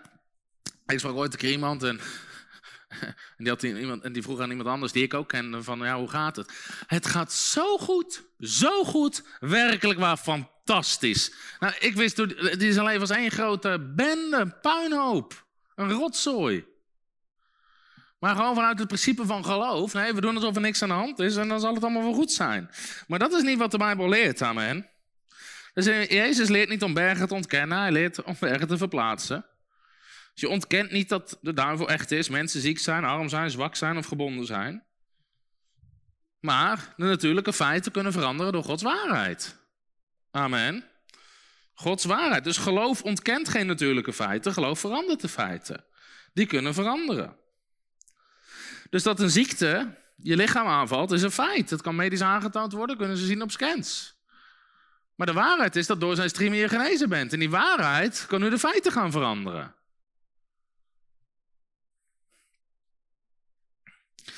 En dat maakt ook sommige dingen, daar ik over dat wetticisme. Sommige van die principes zijn waar. Alleen als het wettisch wordt toegepast zonder openbaring, daar gaat het fout. Dus de Bijbel zegt, we houden onze ogen dingen niet gericht op de dingen die we zien, maar op de dingen die we niet zien. We wandelen door geloof, niet door wat we aanschouwen. En denk zelfs aan een Abraham, waar in Romein hoofdstuk 4 staat, hij lette niet op zijn eigen lichaam. Dus, of aan een Petrus, die wel op water wandelde, niet op de golven en op de wind lette. Dus sommige van die principes, en dat is soms de paradox, dat ze aan de ene kant niet aan het ontkennen, en aan de andere kant mensen die, die het in geloof hebben gepakt, letten niet op hun eigen lichaam, letten niet op de storm, maar dat is toch iets anders dan ontkennen. Alleen als dat inderdaad als iets wetmatisch wordt opgelegd, dan krijg je dat het verkeerd gepakt wordt. Dus je kan een getuigenis horen van iemand die alles negeerde wat de dokter zei, er niks mee deed, het dokterrapport verscheurde en totaal genas. Dat is prachtig. Dat is ook superkrachtig. Alleen als anderen dat gaan toepassen die niet hetzelfde geloof hebben, maar vanuit dat wetticisme of dat, weet je wel, dan gaat het de mist in. Dus dat is, dat is een beetje het, ding. Geloof, natuurlijke omstandigheden totaal negeren, maar het feit dat je alle natuurlijke omstandigheden negeert, betekent niet dat je geloof hebt. Net zoals je van melk boter maakt, maar van boter geen melk. Amen. Dus het principe kan je niet altijd omdraaien. Geloof kan roekeloos zijn. Maar het feit dat je roekeloos bent, betekent niet dat je geloof hebt. Als anderen je bezig zien, soms in geloof, de dingen die doet, kunnen zeggen, dat is echt roekeloos. Maar dat betekent niet dat iedereen die roekeloos is, geloof heeft. Amen. Dus, en dat maakt het soms ook lastig met die principes. En dan gaan we de mist in als het zonder openbaring wordt toegepast. Je past ze altijd toe vanuit persoonlijk geloof, vanuit persoonlijke openbaring. Dus ik krijg ontzettend vaak de vraag: uh, ik heb een bepaalde ziekte. Moet ik me laten behandelen door de artsen? Nou, die vraag krijg ik heel vaak. En mijn antwoord is altijd: het feit dat je die vraag stelt, zegt al een hele hoop. En dat bedoel ik helemaal niet veroordelend. Maar het feit dat het een vraag is, moet ik me wel of niet laten behandelen, zegt iets. Amen. Snap je wat ik bedoel? Dus dan zeg ik altijd, joh, pak alles aan om gezond te worden. Pak alles aan. Ook in lijn met jouw geloof om gezond te worden. Het feit dat je naar de arts gaat betekent niet dat je geen geloof hebt voor je genezing. Ga ik zo meteen nog wel iets over zeggen bij een andere valkuil. Het gaat niet alleen voor geloof, maar er zijn, is de hele charismatische beweging in Pinkstweging heel goed in. Alles vergeestelijke. Alles vergeestelijke. Dus als ik naar de arts ga, heb ik geen geloof. Als ik geloof heb, ga ik niet naar de arts. Mensen leven in een soort. Die trekken het hele geestelijke natuurlijk uit elkaar, terwijl het één is. dus we gaan van een seminar over financiën zondagmiddag. En een van de vragen die iemand stelde was. Ik begon op een gegeven moment gewoon over een stuk rentmeesterschap, een plan maken. En een van de vragen die iemand stelde was: Oh, ik dacht als ik een financieel plan maakte, dat ik in ongeloof leefde. Of dat ik niet op Gods voorziening zou vertrouwen. Nou, dan hebben mensen niet begrepen, want de Bijbel zegt de plannen van een vlijtige leiden tot overvloed. De Bijbel spreekt ontzettend veel over plannen. God had een plan. God was niet op de zevende dag toevallig klaar. Dacht, kan ik toch nog rusten? God had een plan wat hij wanneer zou maken en dan wist hij wanneer hij klaar was. Amen. Het was niet toeval zeven dagen. God werkt altijd met een plan. God had al een plan om de wereld te redden voordat de wereld verloren was. Dat is een goed plan. Amen. Dus dan zie je dat mensen helemaal doorslaan in een van die dingen. En dat zie je soms ook hiermee gebeuren. Dus het feit dat iemand mij zo'n vraag stelt, weet ik waar je zit. Dat is niet veroordelen, dat is gewoon een constatering. Grijp alles aan wat in lijn met jouw geloof is om gezond te worden. En waar jouw openbaring van geloof zit en wat God tegen jou zegt. Dus je zal, ik, in mijn onderwijs onderwijs ik bepaalde principes, maar als mensen mij persoonlijke vragen beginnen te stellen, zal, je, zal ik altijd proberen weg te blijven van dingen op iemand leggen. Omdat ik weet dat ze het gaan toepassen vanuit een wet dat het niet werkt. Dus het heeft geen zin. Nummer 6. Oh, deze is ook leuk. Nummer 6 is mensen die niet met het ongeloof van anderen om kunnen gaan. Mensen die niet met het ongeloof van anderen om kunnen gaan. Nou, ik haalde net al even iets aan bij het wetticisme, dat soms mensen, iedereen die geen geloof spreekt, of die geen geloof heeft voor hun wonder, of waar ze mee bezig zijn, dat ze wegduwen uit hun leven. En niemand mag iets zeggen of praten over iets wat niet in lijn is met wat zij geloven. Maar ik snap wat mensen doen, wat ze zeggen, waar ze het vandaan halen. Alleen het probleem is, je geloof is zwak. Mij maakt het geen reet uit wat anderen zeggen, wat anderen doen, wat anderen geloven, want ik weet wat ik geloof. Negen van de tien dingen die wij doen, niemand om ons heen gelooft erin. Iedereen zegt er iets van.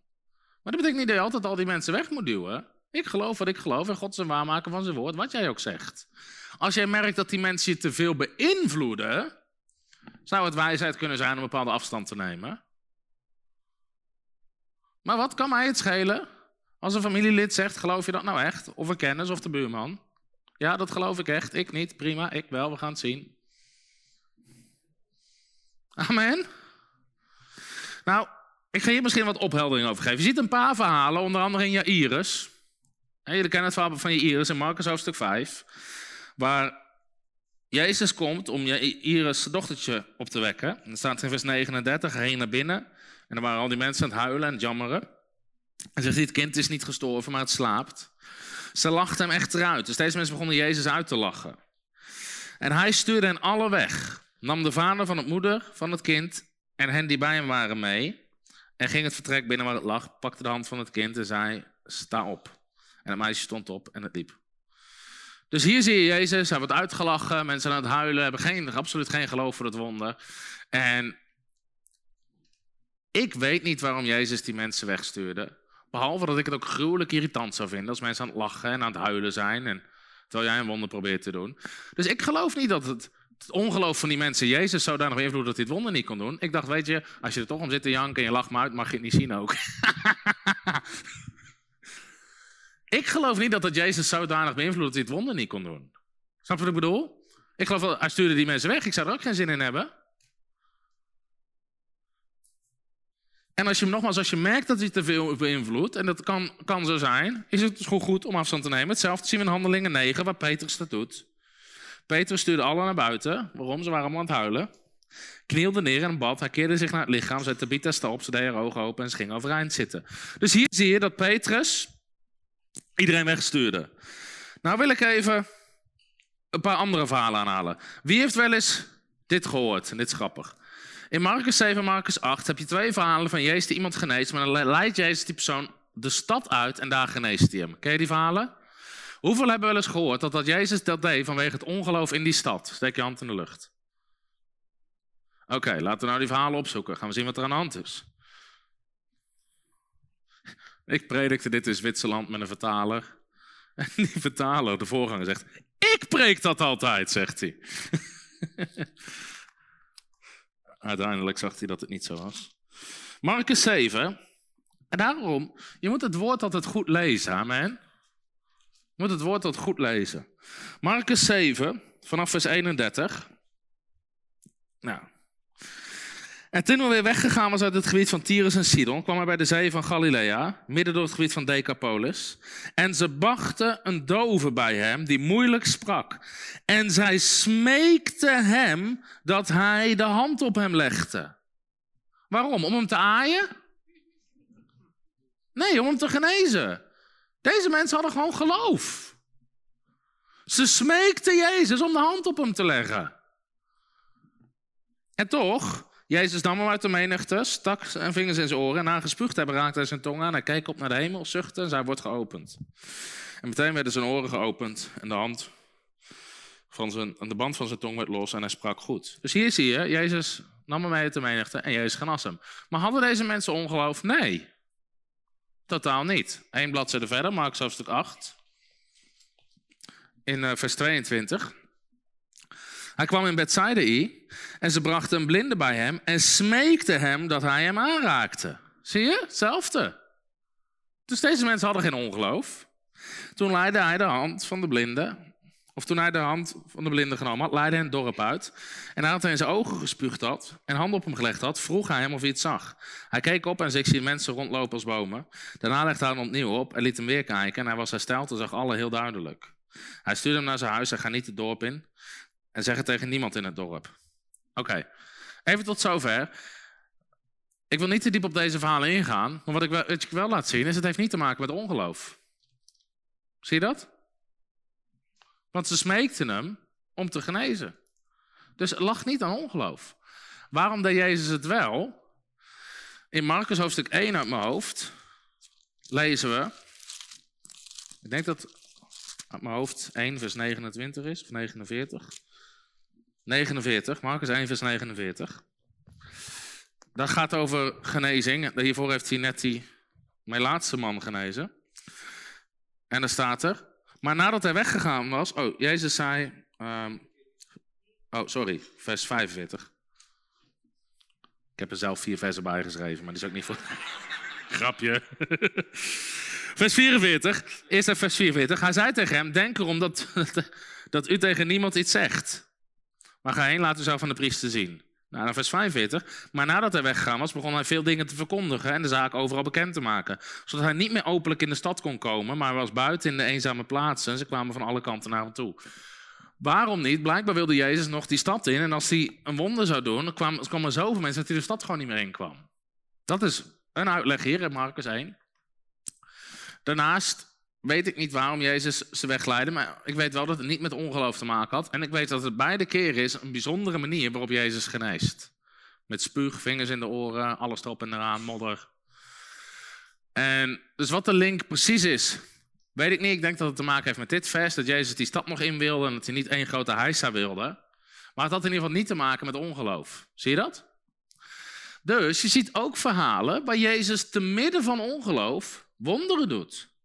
Denk aan Lazarus, die je opwekt uit de dood. Die was langer overleden dan dochtertje van Jairus. Die was net overleden. Ja, Lazarus was vier dagen dood. En iedereen stond te huilen. En niemand had er geloof voor. Maar Jezus wekte hem op uit de dood. Amen. In Lucas hoofdstuk 7 lees je over, dat, over die vrouw die, als het goed zeg, de zoon of de dochtertje is overleden. De dode van Kain. En Jezus stopt die hele rouwstoet. En, en die persoon wordt opgewekt. Terwijl niemand er geloof voor heeft. Dus Jezus deed ook gewoon wonderen, terwijl mensen om hem heen geen geloof hadden.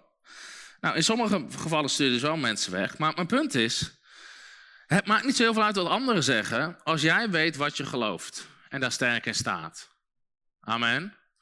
Dus dit zorgt ook voor dat die hele krampachtige cultuur van, oh, niemand mag iets zeggen. En als iemand iets negatiefs over je zegt, ben je vervloekt. Man, doe eens rustig. Amen. Sommige mensen zijn zo snel in paniek. Dat zegt dan eerder iets over waar je eigen geloof zit. En nogmaals, als het je heel erg beïnvloedt, kan je, kan je ervoor kiezen om, om die invloeden weg te doen uit je leven. Maar voor mij persoonlijk maakt mij niet zo heel veel uit. Wat mensen zeggen of geloven. Alle, toen ik een keer. Ik ga straks vragen beantwoorden, aan het eind in één keer. Oké. Toen ik bijvoorbeeld een keer. Uh, ik, was echt, ik had echt mezelf ernstig geblesseerd. Ik had superveel pijn. En mijn ouders, ik kon niet eens met een lepel optillen. Ademen deed gewoon al pijn. Dus mijn ouders zeiden, we moeten je naar het ziekenhuis brengen. Ik zei, ik wil niet naar het ziekenhuis. Hij zei, ik ga boven natuurlijk genezen. Dus ik kroop letterlijk naar mijn kamer toe. Ik woonde nog thuis. Nou, niemand anders in huis had, had geloof voor het wonder. Mensen zitten te wachten van, nou ja, wachten wel tot hij wel naar het ziekenhuis wil. Maar ik genas op mijn kamer, binnen een uur. En ik rende naar beneden. En mijn ouders vroegen, wat ga je doen? Ik zei, ik ga weer sporten. En ik heb heel vaak dat soort wonderen gehad, of heel veel dingen die we doen. Toen we begonnen met het nieuwe pand, weet je wel, van meerdere miljoenen, in geloof, schuldenvrij.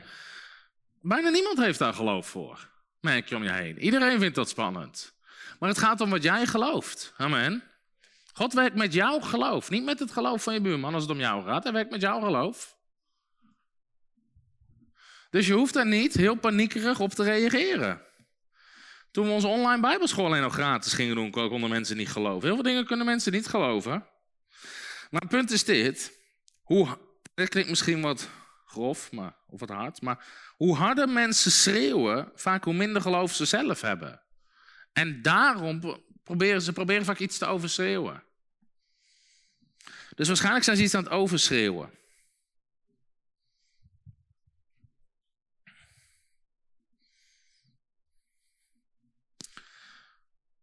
Dus als het gaat om iemand anders leven, als jij gebruikt je geloof voor een ander, kan het, is het belangrijk dat die persoon geloof heeft.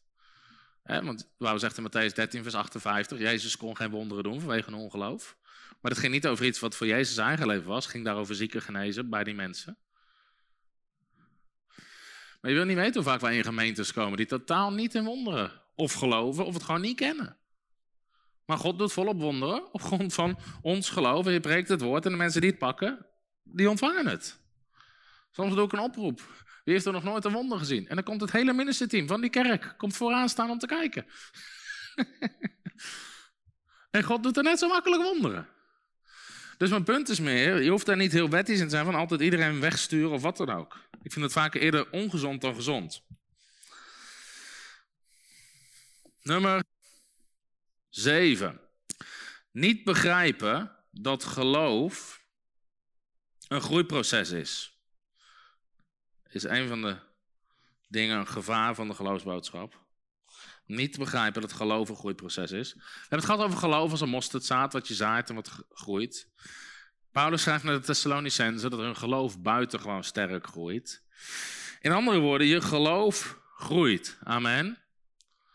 En soms is het goed om te weten, waar zit jouw eigen geloof wel of waar zit het niet? Dus soms als je voor iemand bijvoorbeeld in het ziekenhuis, een broeder of een zuster, is een goede vraag altijd, joh, waarvoor sta je in geloof als ze gebed vragen? Sommige mensen zeggen, ja, dat ik vredig zal sterven. Dat kan. Of dat de arts me goed zal opereren, of wat dan ook. Nou, dan is dat waar hun geloof zit. Maar dat geldt ook voor je eigen leven. Sommige mensen horen de boodschap en ze denken dat ze automatisch geloof hebben en overal voor hebben. Je hebt mensen die proberen mensen uit de dood op te wekken. Ze zijn nog nooit zelf van hoofdpijn genezen.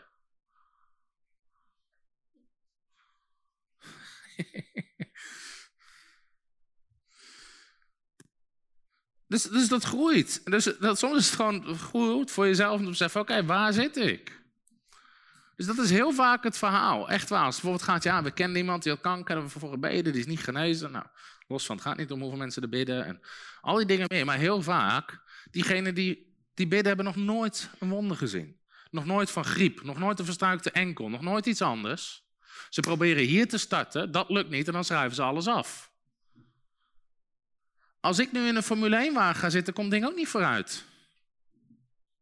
Ik zou niet eens weten hoe je het ding moet starten. Laat staan hoe het moet rijden, hoe je een bocht moet maken. Ik heb wel een foto gezien van zo'n stuurman. Mijn stuur in mijn auto is gewoon rond, maar dat... Uh, snap je? Je kan daar niet zomaar starten. Je kan niet zeggen van nou, ik ga meteen dat doen. En toch is dat wat mensen op het gebied van geloof doen. Dan werkt het niet en dan schrijven ze de hele boodschap af. Hetzelfde voor financiën. Sommige mensen hebben nog nooit gewoon 100 euro door geloof ontvangen. En denken, ja, halleluja, God heeft een visioen laten zien van een heel groot bouwtrein. En we gaan er een hotel bouwen voor christenen. En we geloven God voor 50 miljoen. En uh, nou, is nogal wat. God heeft me laten zien, een stuk grond en een geloof een ziekenhuis van 300 miljoen. Als je niet oppast, ben je de eerste patiënt die er ligt.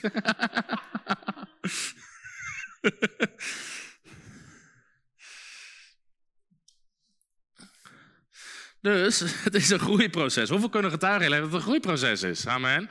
Dat je nu misschien wonderen ziet of, of dingen ziet gebeuren die je in het begin niet zag. Dat is gewoon hoe het werkt, want geloof is een groeiproces. En, en dat kost iets. En dat is gewoon helemaal, dat is helemaal goed, alleen dat is dus altijd een gevaar daarvan. Nummer 8. Ik denk dat we straks wel vragen, plek hebben voor een paar vragen. Nummer 8, dit zei ik al, dit is überhaupt een gevaar in de hele charismatische of pinksterbeweging, of ook wel evangelisch. Misschien überhaupt onder christenen. Alles vergeestelijke. Alles vergeestelijke. Mensen denken dat ze de hele natuurlijke wereld totaal kunnen negeren. Maar de waarheid is, je bestaat uit geest, ziel en lichaam. Jouw lichaam functioneert in de natuurlijke wereld, jouw ziel functioneert in de natuurlijke wereld. Jouw geest functioneert in de geestelijke wereld. Jouw geest beïnvloedt je ziel, beïnvloedt je lichaam, dat klopt. Maar je hebt gewoon te maken met de natuurlijke wereld. Dus, christenen hebben de neiging om alles te vergeestelijken. Maar de geestelijke en de natuurlijke wereld, die lopen helemaal in elkaar over. Alles wat je doet in de natuurlijke beïnvloedt de geestelijke wereld. En alles wat je doet in de geestelijke beïnvloedt de natuurlijke wereld. Amen. Zal ik het nog een keer zeggen? Alles wat je doet, dingen die je doet in het wat je zegt, wat je doet, beïnvloedt de geestelijke wereld. Het heeft invloed op de geestelijke wereld. Maar ook de hele geestelijke wereld beïnvloedt de geestelijke wereld. Wij trekken dat uit elkaar, maar voor God is het één. Hebreeën 11, vers 2 zegt. Het is nu door het geloof dat we zien dat deze zichtbare wereld niet uitstaan is uit wat zichtbaar is, maar wat het onzichtbaar is. De hele wereld is ontstaan uit het onzichtbare geestelijke wereld. En dat betekent dus dat voor veel dingen, als het gaat om bepaalde principes, het goed is om en de, gewoon de natuurlijke principes goed te hebben en de, en de geestelijke principes. Dus heel vaak bijvoorbeeld, dan, hè, dan, we hebben een Kingdom Business School, dan komen, komen christenen naar me toe van, eh, ja, ja, ik bid echt, ik bid echt, ik bid echt voor iemand die mijn bedrijfsplan wil financieren. En het liefst een christen. Ik zeg altijd, man, als je plan goed is, kan ik nog een satanist vinden die het wil financieren. Als jouw bedrijfsplan gewoon klopt, wil, als je per se een christen nodig hebt om te financieren, klopt dat waarschijnlijk niet. Amen. Als je heel hard moet bidden voor iemand. Man, je wil niet weten hoeveel mensen er zijn met geld die gewoon blij zijn als ze ergens hun geld in kunnen steken wat goed rendeert. En wat, eh, wat gewoon een goed plan is en een wijs plan is. Ik hoor een paar mensen amen zeggen. Ik zie mensen meteen aantekeningen maken wie dat zijn. ik bid echt dat jij mijn plan financiert. Maar op een manier trekken mensen dat helemaal uit elkaar. En soms is het ook gewoon... Bijna... Ik had laatst een uh, gesprek met iemand. Die is een bedrijf. Hele, gewoon hele lieve, geestelijke... Ook geestelijk krachtige mensen. Maar het hele bedrijf ging niet goed. En ging over de kop, failliet. En die man die belde mij en dacht, man, ik snap het niet. We geloven in God en we geloven dat God voor ons zorgt. En we geloven in de zegen en al die dingen. En gewoon met een paar vragen kom ik achter, je hele bedrijfsplan klopt niet. Weet je wel, allerlei mensen in dienst nemen, maar nog geen omzet draaien. Niet kijken hoe groot is je afzetmarkt, wat voor marges zitten er tussen. Is dit überhaupt een winstgevende business wat je probeert op te zetten? En dan, soms klopt het hele plaatje klopt gewoon niet in het natuurlijk. is gewoon een no-go. En mensen zitten allemaal te bidden, te bidden, te bidden, maar dit klopt gewoon niet. En het maakt niet uit hoe God je wil zegenen, maar je plan klopt gewoon niet. Amen. En dan zie je dat mensen soms in één keer alle natuurlijke principes gewoon negeren. Die niet eens gewoon, man, heel spreuken staat vol daarover. Over dat goede plannen maken, raadgevers hebben, al die dingen meer. De Bijbel heeft er allerlei dingen over te zeggen. Niet alleen bidden. Niet alleen de Heer is je Heer, jou ontbreekt niets. Er zijn meer principes in het woord van God. Amen. Dus dat zie je vaak als mensen dingen overgeestelijken. Nou, dat zie je ook gebeuren met mensen die altijd problemen hebben in hun leven. Ze hebben altijd van de ene kerk naar de andere kerk. Ruzie in hun gezin, ruzie met de dit en dat is altijd weer dit. Ja, het is allemaal strijd, het is allemaal strijd, het is allemaal strijd. Nee. Dat mag niet zeggen, we niet zo anders. Ik wil zeggen, je bent gewoon een gigantische. maar ik zeg altijd, als het altijd stinkt onder je neus, is het je eigen lip. Als het overal stinkt waar jij bent, ben je het zelf.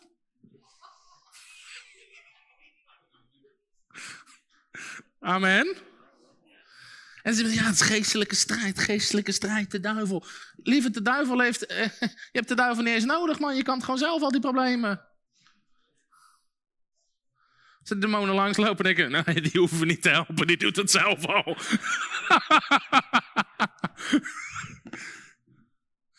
Maar het is zo, mensen overschreeuwen dat hele ding soms met strijd en dit en dat en echt, echt aanval. Maar gewoon, ondertussen klopt er van alles niet. Dat geldt, dat geldt voor alles. Ook als het gaat over geloof voor je huwelijk. Ja, de beloftes van God voor je huwelijk. Maar het is ook handig als je een beetje goed kan communiceren en lief bent voor elkaar. Dat helpt ook. En als je niet met de buurvrouw in bed ligt. Amen. Ja, maar we komen die dingen tegen. Mensen in een bevrijdingsdienst. Ja, bid voor mij, ik heb een probleempje.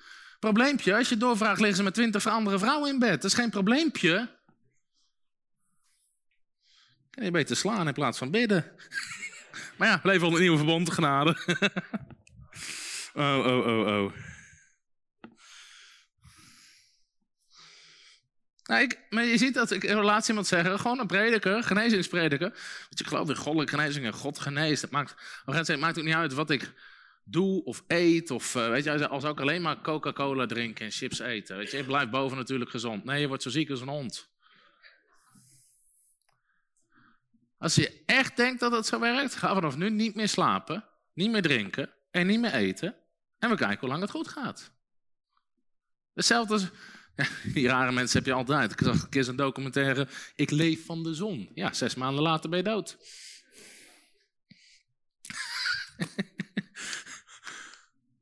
maar mensen, mensen pakken dan een, een van die principes. En dan denk ik dat ze het andere totaal kunnen negeren. Alles vergeestelijken. Dus let daarvoor op en zorg gewoon dat soms de natuurlijke kant van dingen ook gewoon klopt. Nummer 9. God geloven voor dingen die niet in genade voorzien zijn of waar je geen autoriteit over hebt. Kijk, je moet eerst weten waar heeft God in voorzien. In andere woorden, waar heeft Christus allemaal de prijs voor betaald? Nou, dus je genezing, gewoon het algemeen zegen, je verzoening, al die dingen is allemaal in genade voorzien. En je kan je geloof gebruiken om die dingen te ontvangen. Maar er zijn ook dingen die misschien zelfs God wel wil voorzien. Waarvan je gewoon moet weten, is dat de wil van God voor jouw leven?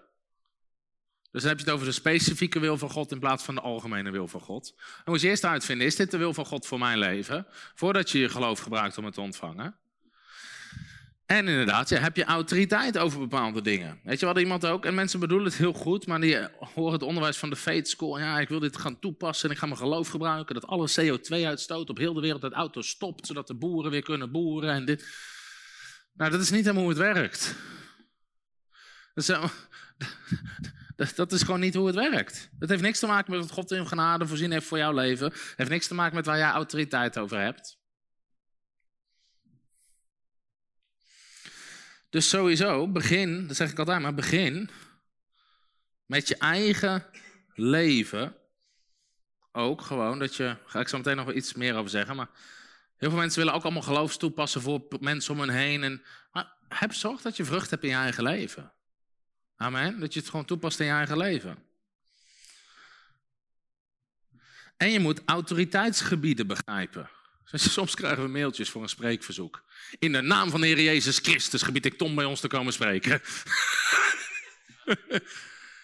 nou, ik denk niet helemaal dat je christelijke autoriteit zo werkt. Weet je, soms ook kinderen werken. Femke die parkeerde, wilde laatst bij ons huis parkeren. Alleen andere mensen hadden hun auto voor het huis gezet. Dus Matthew zei, wacht maar mama, ik bid wel even dat Jezus die auto weghaalt. Dus Sam die wil denken, oké, wat ga ik zeggen? Dus nou, die wil zeggen, nou, ik denk niet dat het zo werkt. Maar met dat ze dat wil zeggen, komt er een andere auto in de straat. En Matthew zegt, zie je, daar is Jezus al.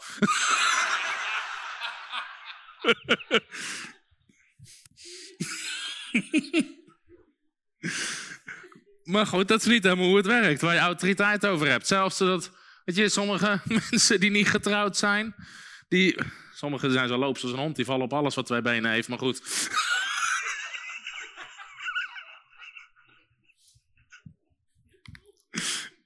Zei ik dat hardop? ik claim die persoon in Jezus' naam. Dat is niet hoe het werkt.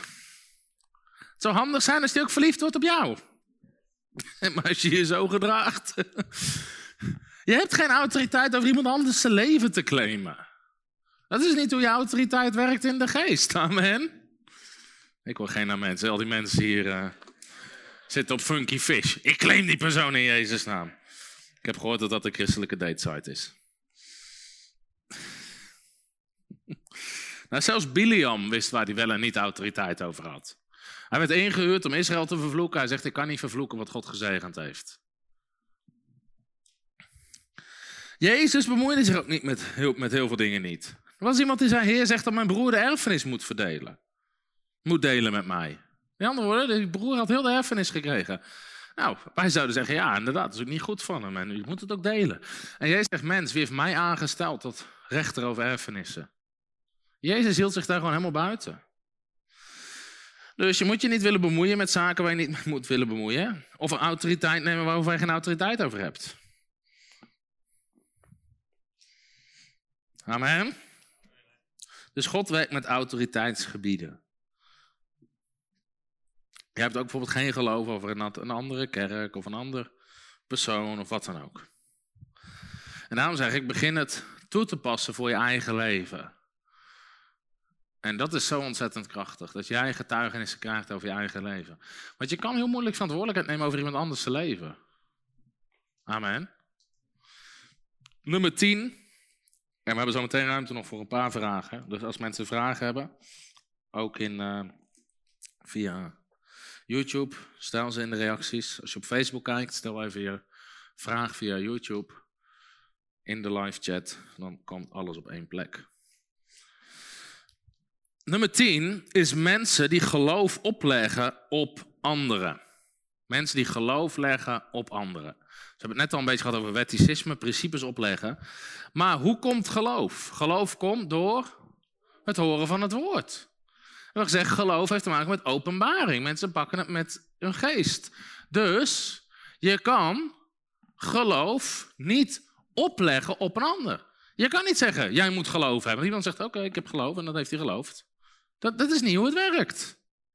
Geloof komt door het horen. Je kan het niet dwingen, je kan het niet opleggen. Dus ik vind het zo'n mooie gelijkenis van de zaaier. De zaaier zaait het woord. Dus heel vaak ook met seminar bijvoorbeeld over genezing krijg ik vraag, ja maar ik heb een collega die en ik heb die dat en hoe moet ik beginnen? De zaaier zaait het woord. Begin gewoon te zaaien. Begin gewoon, zeker als het gelovigen zijn. Begin gewoon het woord van God te zaaien. Totdat het een keer geloof produceert. Totdat het een keer in goede grond landt. Want je kan niet zomaar dingen opleggen. Amen. Dus je moet mensen gewoon meenemen in het woord. En daarom is het zo belangrijk dat je die vrucht hebt in je eigen leven. Want dan heb je de autoriteit om er iets over te zeggen. En dan staan mensen open om van je te horen. Amen. Dus je moet mensen, niet, ook niet alleen het principe, maar laat, zeg gewoon wat de Bijbel zegt. Dat is altijd het sterkste. De Bijbel zegt, de Bijbel zegt, de Bijbel zegt. En als je mensen uitlegt wat de Bijbel zegt, ben je gewoon het woord aan het zaaien. En dat is wat ze raken. Dus geloof pushen werkt niet. Je moet gewoon geloof hebben. Je moet het gewoon zo en zo doen. Je moet dit of dat doen. Geloof pushen werkt niet. probeer mensen uit te leggen wat de Bijbel zegt. Dus daarom probeer ik altijd dingen met teksten te onderbouwen. Dus toevallig afgelopen zondag stuurde iemand van een andere bediening mij nog een berichtje over of ik iets financieel, wil, financieel wilde sponsoren. En ik had door, man, dit is geen geloof, het is gewoon bedelen. Dus ik zei, nou, ik zeg, je moet je bediening uit geloof gaan bouwen.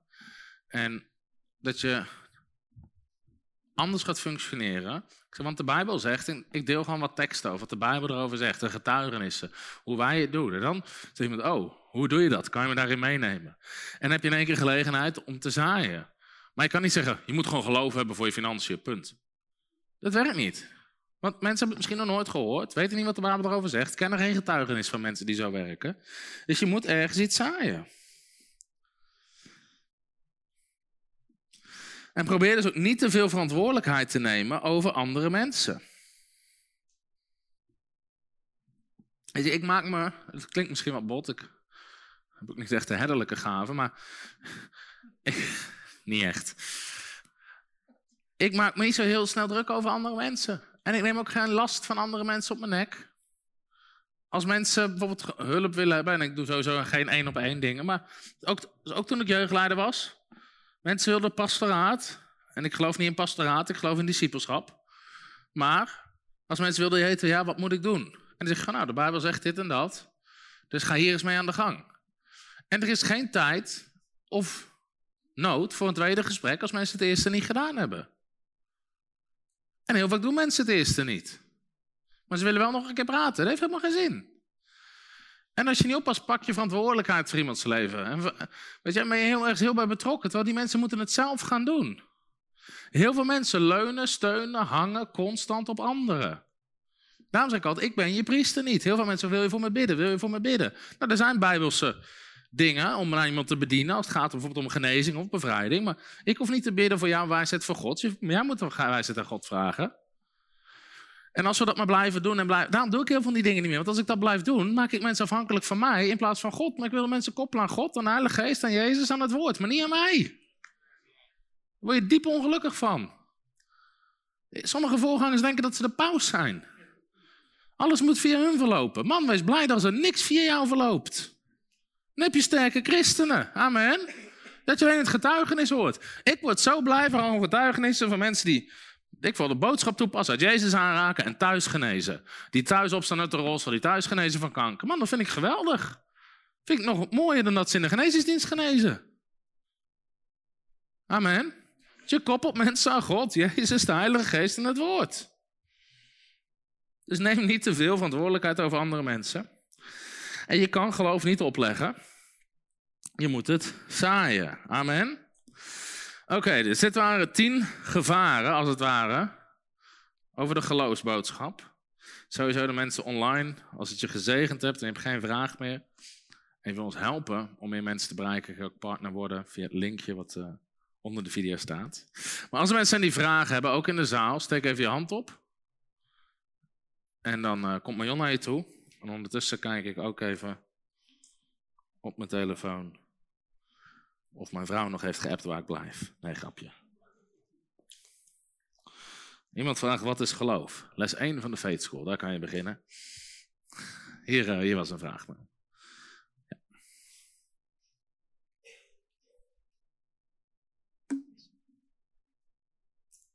Uh, bij 6, bij punt 6, uh, had je het over dat Jezus genas met ongeloof. Maar ja, als ik het goed heb gelezen, kon Jezus in zijn eigen dorp niet genezen. Ja, goede vraag. Kijk, wat ik daarmee bedoel is, Jezus genas in zoverre. Op grond van zijn eigen geloof genas Jezus wel eens mensen. Bijvoorbeeld een Bethesda, die man had geen geloof. Uh, hij was ook niet tegen, maar Jezus vroeg, wil je gezond worden? En die man wist niet eens wie Jezus was. Kijk, over het algemeen heb je geloof nodig, heb je instemming nodig, tenzij het met je lukt om met jouw geloof iemand te genezen. Maar de voorbeelden die ik aanhaalde van ongeloof, een omgeving van ongeloof, bedoel ik met Lazarus um, en die doden in Kain. Dat was een omgeving van ongeloof. ging eigenlijk ook niet over genezing, ging over het opwekken van een dood iemand. En Jezus wekt die persoon met zijn geloof op. Die dode heeft geen geloof. Maar, en maakte dus Jezus niet uit dat de mensen daar omheen, ja, die hadden geen geloof voor het wonder. Maar Jezus deed op grond van zijn geloof het wonder. Ja? Kon die dat niet? Nee, kijk, uiteindelijk, ongeloof beperkt ook God, ook Jezus. En je ziet, als je het verhaal leest, ook in Matthäus, ze wilden het helemaal niet eens, ze lieten hem ook niet toe. Ze probeerden hem van de klif af te duwen. Dus ze hadden helemaal inderdaad geen geloof voor genezing. Dus Jezus met uitzondering gebruikte zijn eigen geloof. Maar over het algemeen was de lijn die Jezus sprak dat mensen naar hem toe kwamen. En dan vroeg Jezus altijd van hun geloof. Meer vragen? Um, je had het in het begin van de avond over um, dat God werkt volgens geestelijke wetten. Um, en ik heb um, binnen mijn familie meerdere mensen die wonderen hebben gezien van God, terwijl er niet die wetten werden gevolgd. Dus er was niet direct iemand met geloof aanwezig voor een wonder, terwijl er toch een wonder gebeurde. Ja. Uh, kun je daar wat, iets over wat, vertellen? wat, wat voor voorbeelden van een wonder bedoel je? Uh, mijn vrouw die is genezen van een bloedziekte Ja. toen ze kind was, dus al lang geleden. Um, haar vader is voorganger en ik heb veel discussies met haar vader, want um, hij gelooft niet in de principes zoals ik ze van jou leer. Nee. En uh, nou, daar hebben we gewoon leuke gesprekken over. Alleen, kijk, uh, zij is um, genezen van een bloedziekte, maar er was niet iemand die dus echt geloof had dat dat op dat moment zou gebeuren. Nee. Maar er is wel voor gebeden en het is wel gebeurd. Ja. Dus dat is heel lastig om dan die principes die ik nu van jou leer, om echt dat, dat geloof te laten groeien en te werken en Ja. om dat over te brengen. Ja, nee, dat snap ik. Je zou bijna zeggen, ja, op geluk schiet je altijd wel eens raak. En, uh, en, en misschien dat er iemand voor eraan bidden was die wel echt geloof had voor het wonder en autoriteit heeft genomen, genomen in de geest erover. Dus dat zou natuurlijk heel goed kunnen. Je weet nooit wat er in de geestelijke wereld gebeurt. Um, dus dus dat, dat zou gewoon kunnen. Jij zegt dus eigenlijk, er moet iemand zijn geweest die geloof had. Ja, want daar werkt God mee. Ja. Zonder geloof is het onmogelijk om God te behagen. Dus kijk, als je een oproep doet en meerdere mensen voor haar bidden, ja, er zijn gewoon mensen, of die in dat, tijdens het bidden gewoon echt de overtuiging krijgen van, oh, God geneest, hè, die gewoon in de geest echt wel geloof hebben daarvoor.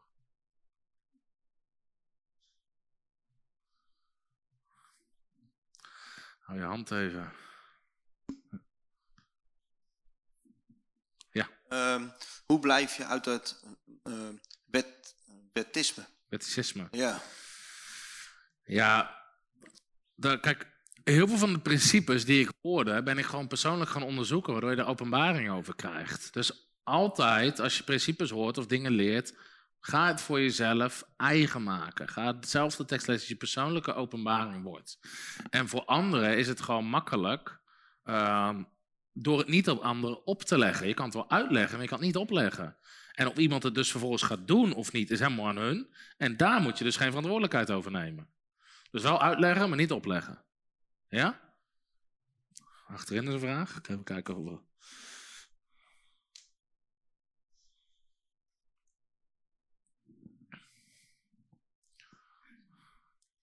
Um, ik had een vraag, want um, in het boek um, Geloof voor het Onmogelijke beschrijf je heel mooi ook van dat stel dat je iets aangaat of je, je gelooft voor iets en um, het gebeurt niet, dat je daar dan um, dat je dat naar jezelf dan moet reflecteren van oké, dan is er iets met mijn geloof specifiek. Maar ik vraag me af van hoe zit het dan bijvoorbeeld als je een, een financieel project aangaat en je doet dat in geloof en gaandeweg kom je erachter van oké, okay, er is toch nog iets met mijn geloof aan de hand. Maar je bent dan wel um, ja, bepaalde juridische overeenkomsten en dergelijke aangegaan, want daar heb je natuurlijk ook mee te maken. Mm -hmm. Wat doe je dan in zo'n situatie? Ja, kijk, zodra dingen zakelijk, financieel, dan heb je nooit alleen te maken met het geestelijke. Want je zit ook gewoon in het aardse systeem. Dus je kan inderdaad niet zeggen van, Um, ik negeer dat helemaal ik ga puur op geloof. Dus dan is daar ergens al iets misgegaan van hè, eigenlijk als het gaat om dan zakelijk en juridisch, gaat bepaalde contracten en verbindingen aan. Ja, ehm, klopt het model erachter? Klopt wat je wil doen? En, of is het eigenlijk inderdaad vaak, is het geloof of is het een soort ehm, wishful thinking? Dat is wel een vraag. dus als het daarom gaat, om zakelijke dingen, zorg je altijd dat beide kanten kloppen. En, en wil je niet in een van de twee uitschieters terechtkomen. En als je er al in zit, je zegt nou ik zit al in een constructie, ik dacht dat het goed ging, maar het ging niet goed. Is aan de ene kant is geloof nog steeds van oké, dan ga je God bidden voor wijsheid en een oplossing. Maar dan zal je ook die natuurlijke kant aan moeten pakken. Van klopt het bedrijfsmodel wel? Of waar, gaan, waar gaat het nou precies mis? Of wat hebben we wel nodig aan financiering om dit rendabel te maken? En, en kan dat met de mensen die we nu hebben, bijvoorbeeld? Dus dan moet je het alsnog met beide kanten aan de gang gaan. Ja? Zijn er meer mensen in de zaal met een vraag? Achterin, ik ga even kijken dat ik er ook even een paar van. Uh, iemand stelt een vraag, DB073, mooi al die namen. Over ongeloof, daar hebben we een hele preek over, afrekenen met ongeloof. Um, Anouk zegt, als je geboren bent met een beperking en ik heb dit geaccepteerd, hoe staat God dan tegenover genezing? Nou, dat is een goede vraag, want daarom is een van de stappen in mijn boek is je identiteit. Hè, ziekte kan je identiteit worden. Als jij zegt, ik heb het geaccepteerd, heb je het geaccepteerd. Dus dat is blijkbaar wat het is voor jou en dan, dan is dat prima. Je moet niet genezen voor God. En Claudia stelt de vraag: Ik bid vaak, maar ik krijg mijn bevrijding niet. Wat doe ik verkeerd? Dus moeten we iets meer van je situatie weten. Um, maar kijk, als iets niet lukt, daarvoor is een, een lokale gemeente of discipelschap ook zo belangrijk. Gewoon christenen die met je mee kunnen kijken en je kunnen helpen op dat gebied. Dus zoek gewoon hulp bij christenen of een lokale gemeente om je heen. Yes, in de zaal. Mijn vrouw en ik, wij kennen uh, een vrouw, uh, zijn bevriend mee en die is ernstig ziek. Uh, ze gelooft niet, ze komt ook een beetje uit de New Age wereld. En mijn vraag is van hoe kan ik voor haar in geloof staan? De tijd is kort. Ja. En we hebben echt heel veel gesprekken gevoerd. maar en ze heeft interesse in de dingen die we zeggen. Maar het breekt gewoon niet door. Er is echt een bepaald geestelijk iets om haar heen. Staat ze er, staat ze er wel open voor? Vind ik moeilijk om te zeggen. Uh, vanuit de relatie die we hebben met haar wel, want we zijn goed bevriend. Uh, dus we hebben mooie gesprekken over het geloof. Uh, maar het breekt gewoon niet, gewoon, gewoon niet door. Dus ik, we zijn al zeven jaar bezig, denk ik. En, ja. Mijn antwoord zou echt zijn, natuurlijk aan de ene kant gewoon in geloof uh, voor de bidden en bidden voor open deuren, openbaring en, uh, en dat soort dingen. Aan de andere kant het woord zaaien. En dan ik mijn boek Jezus aanraken geven. Gewoon kijken of het ergens op. Of het raakt, of het aanslaat, zeg maar. En dit is ook een voorbeeld van: je kan niet te veel verantwoordelijkheid nemen. Voor ondanks hoe graag je ook iets zou willen. Dus het blijft toch inderdaad van je bidt voor iemand. Je bidt voor open deuren, kansen. Uh, je zaait het woord en dat moet ergens bij haar gaan aanhaken. Ja? Gaan we dat doen. Super. Nog meer vragen in de zaal? Steek je hand in de lucht. Anders online.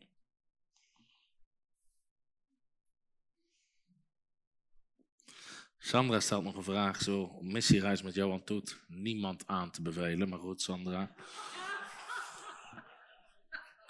Grapje, ik kan het maken bij jou aan. Uh, hoe weet ik of het ook mijn verlangen is, of het ook Gods wil is? Nou, ga bidden en vasten. En vraag God voor wijsheid of bevestigingen. En uh, gewoon, dat zijn juist mooie kansen om Gods uh, stem in te leren verstaan. Dus zo zou je dat aan kunnen vliegen. Amen. Oké, ben je gezegend vanavond? Ook iedereen die thuis kijkt, nogmaals voor mensen die thuis kijken, ook in de zaal. Als je partner wil worden, als je geen partner bent, kan je een kaart invullen. Uh, als je online kijkt, kan je via het linkje. En uh, dan gaan we afsluiten. Laten we gaan staan.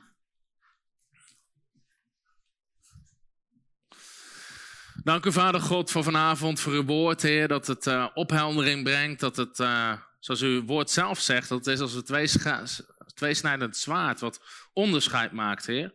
En we bidden dat uh, mensen onderscheid zullen hebben, wijsheid zullen hebben, krachtig de principes toe zullen passen. En dat er vele getuigenissen uit voort zullen komen. In de machtige naam van de Heer Jezus Christus.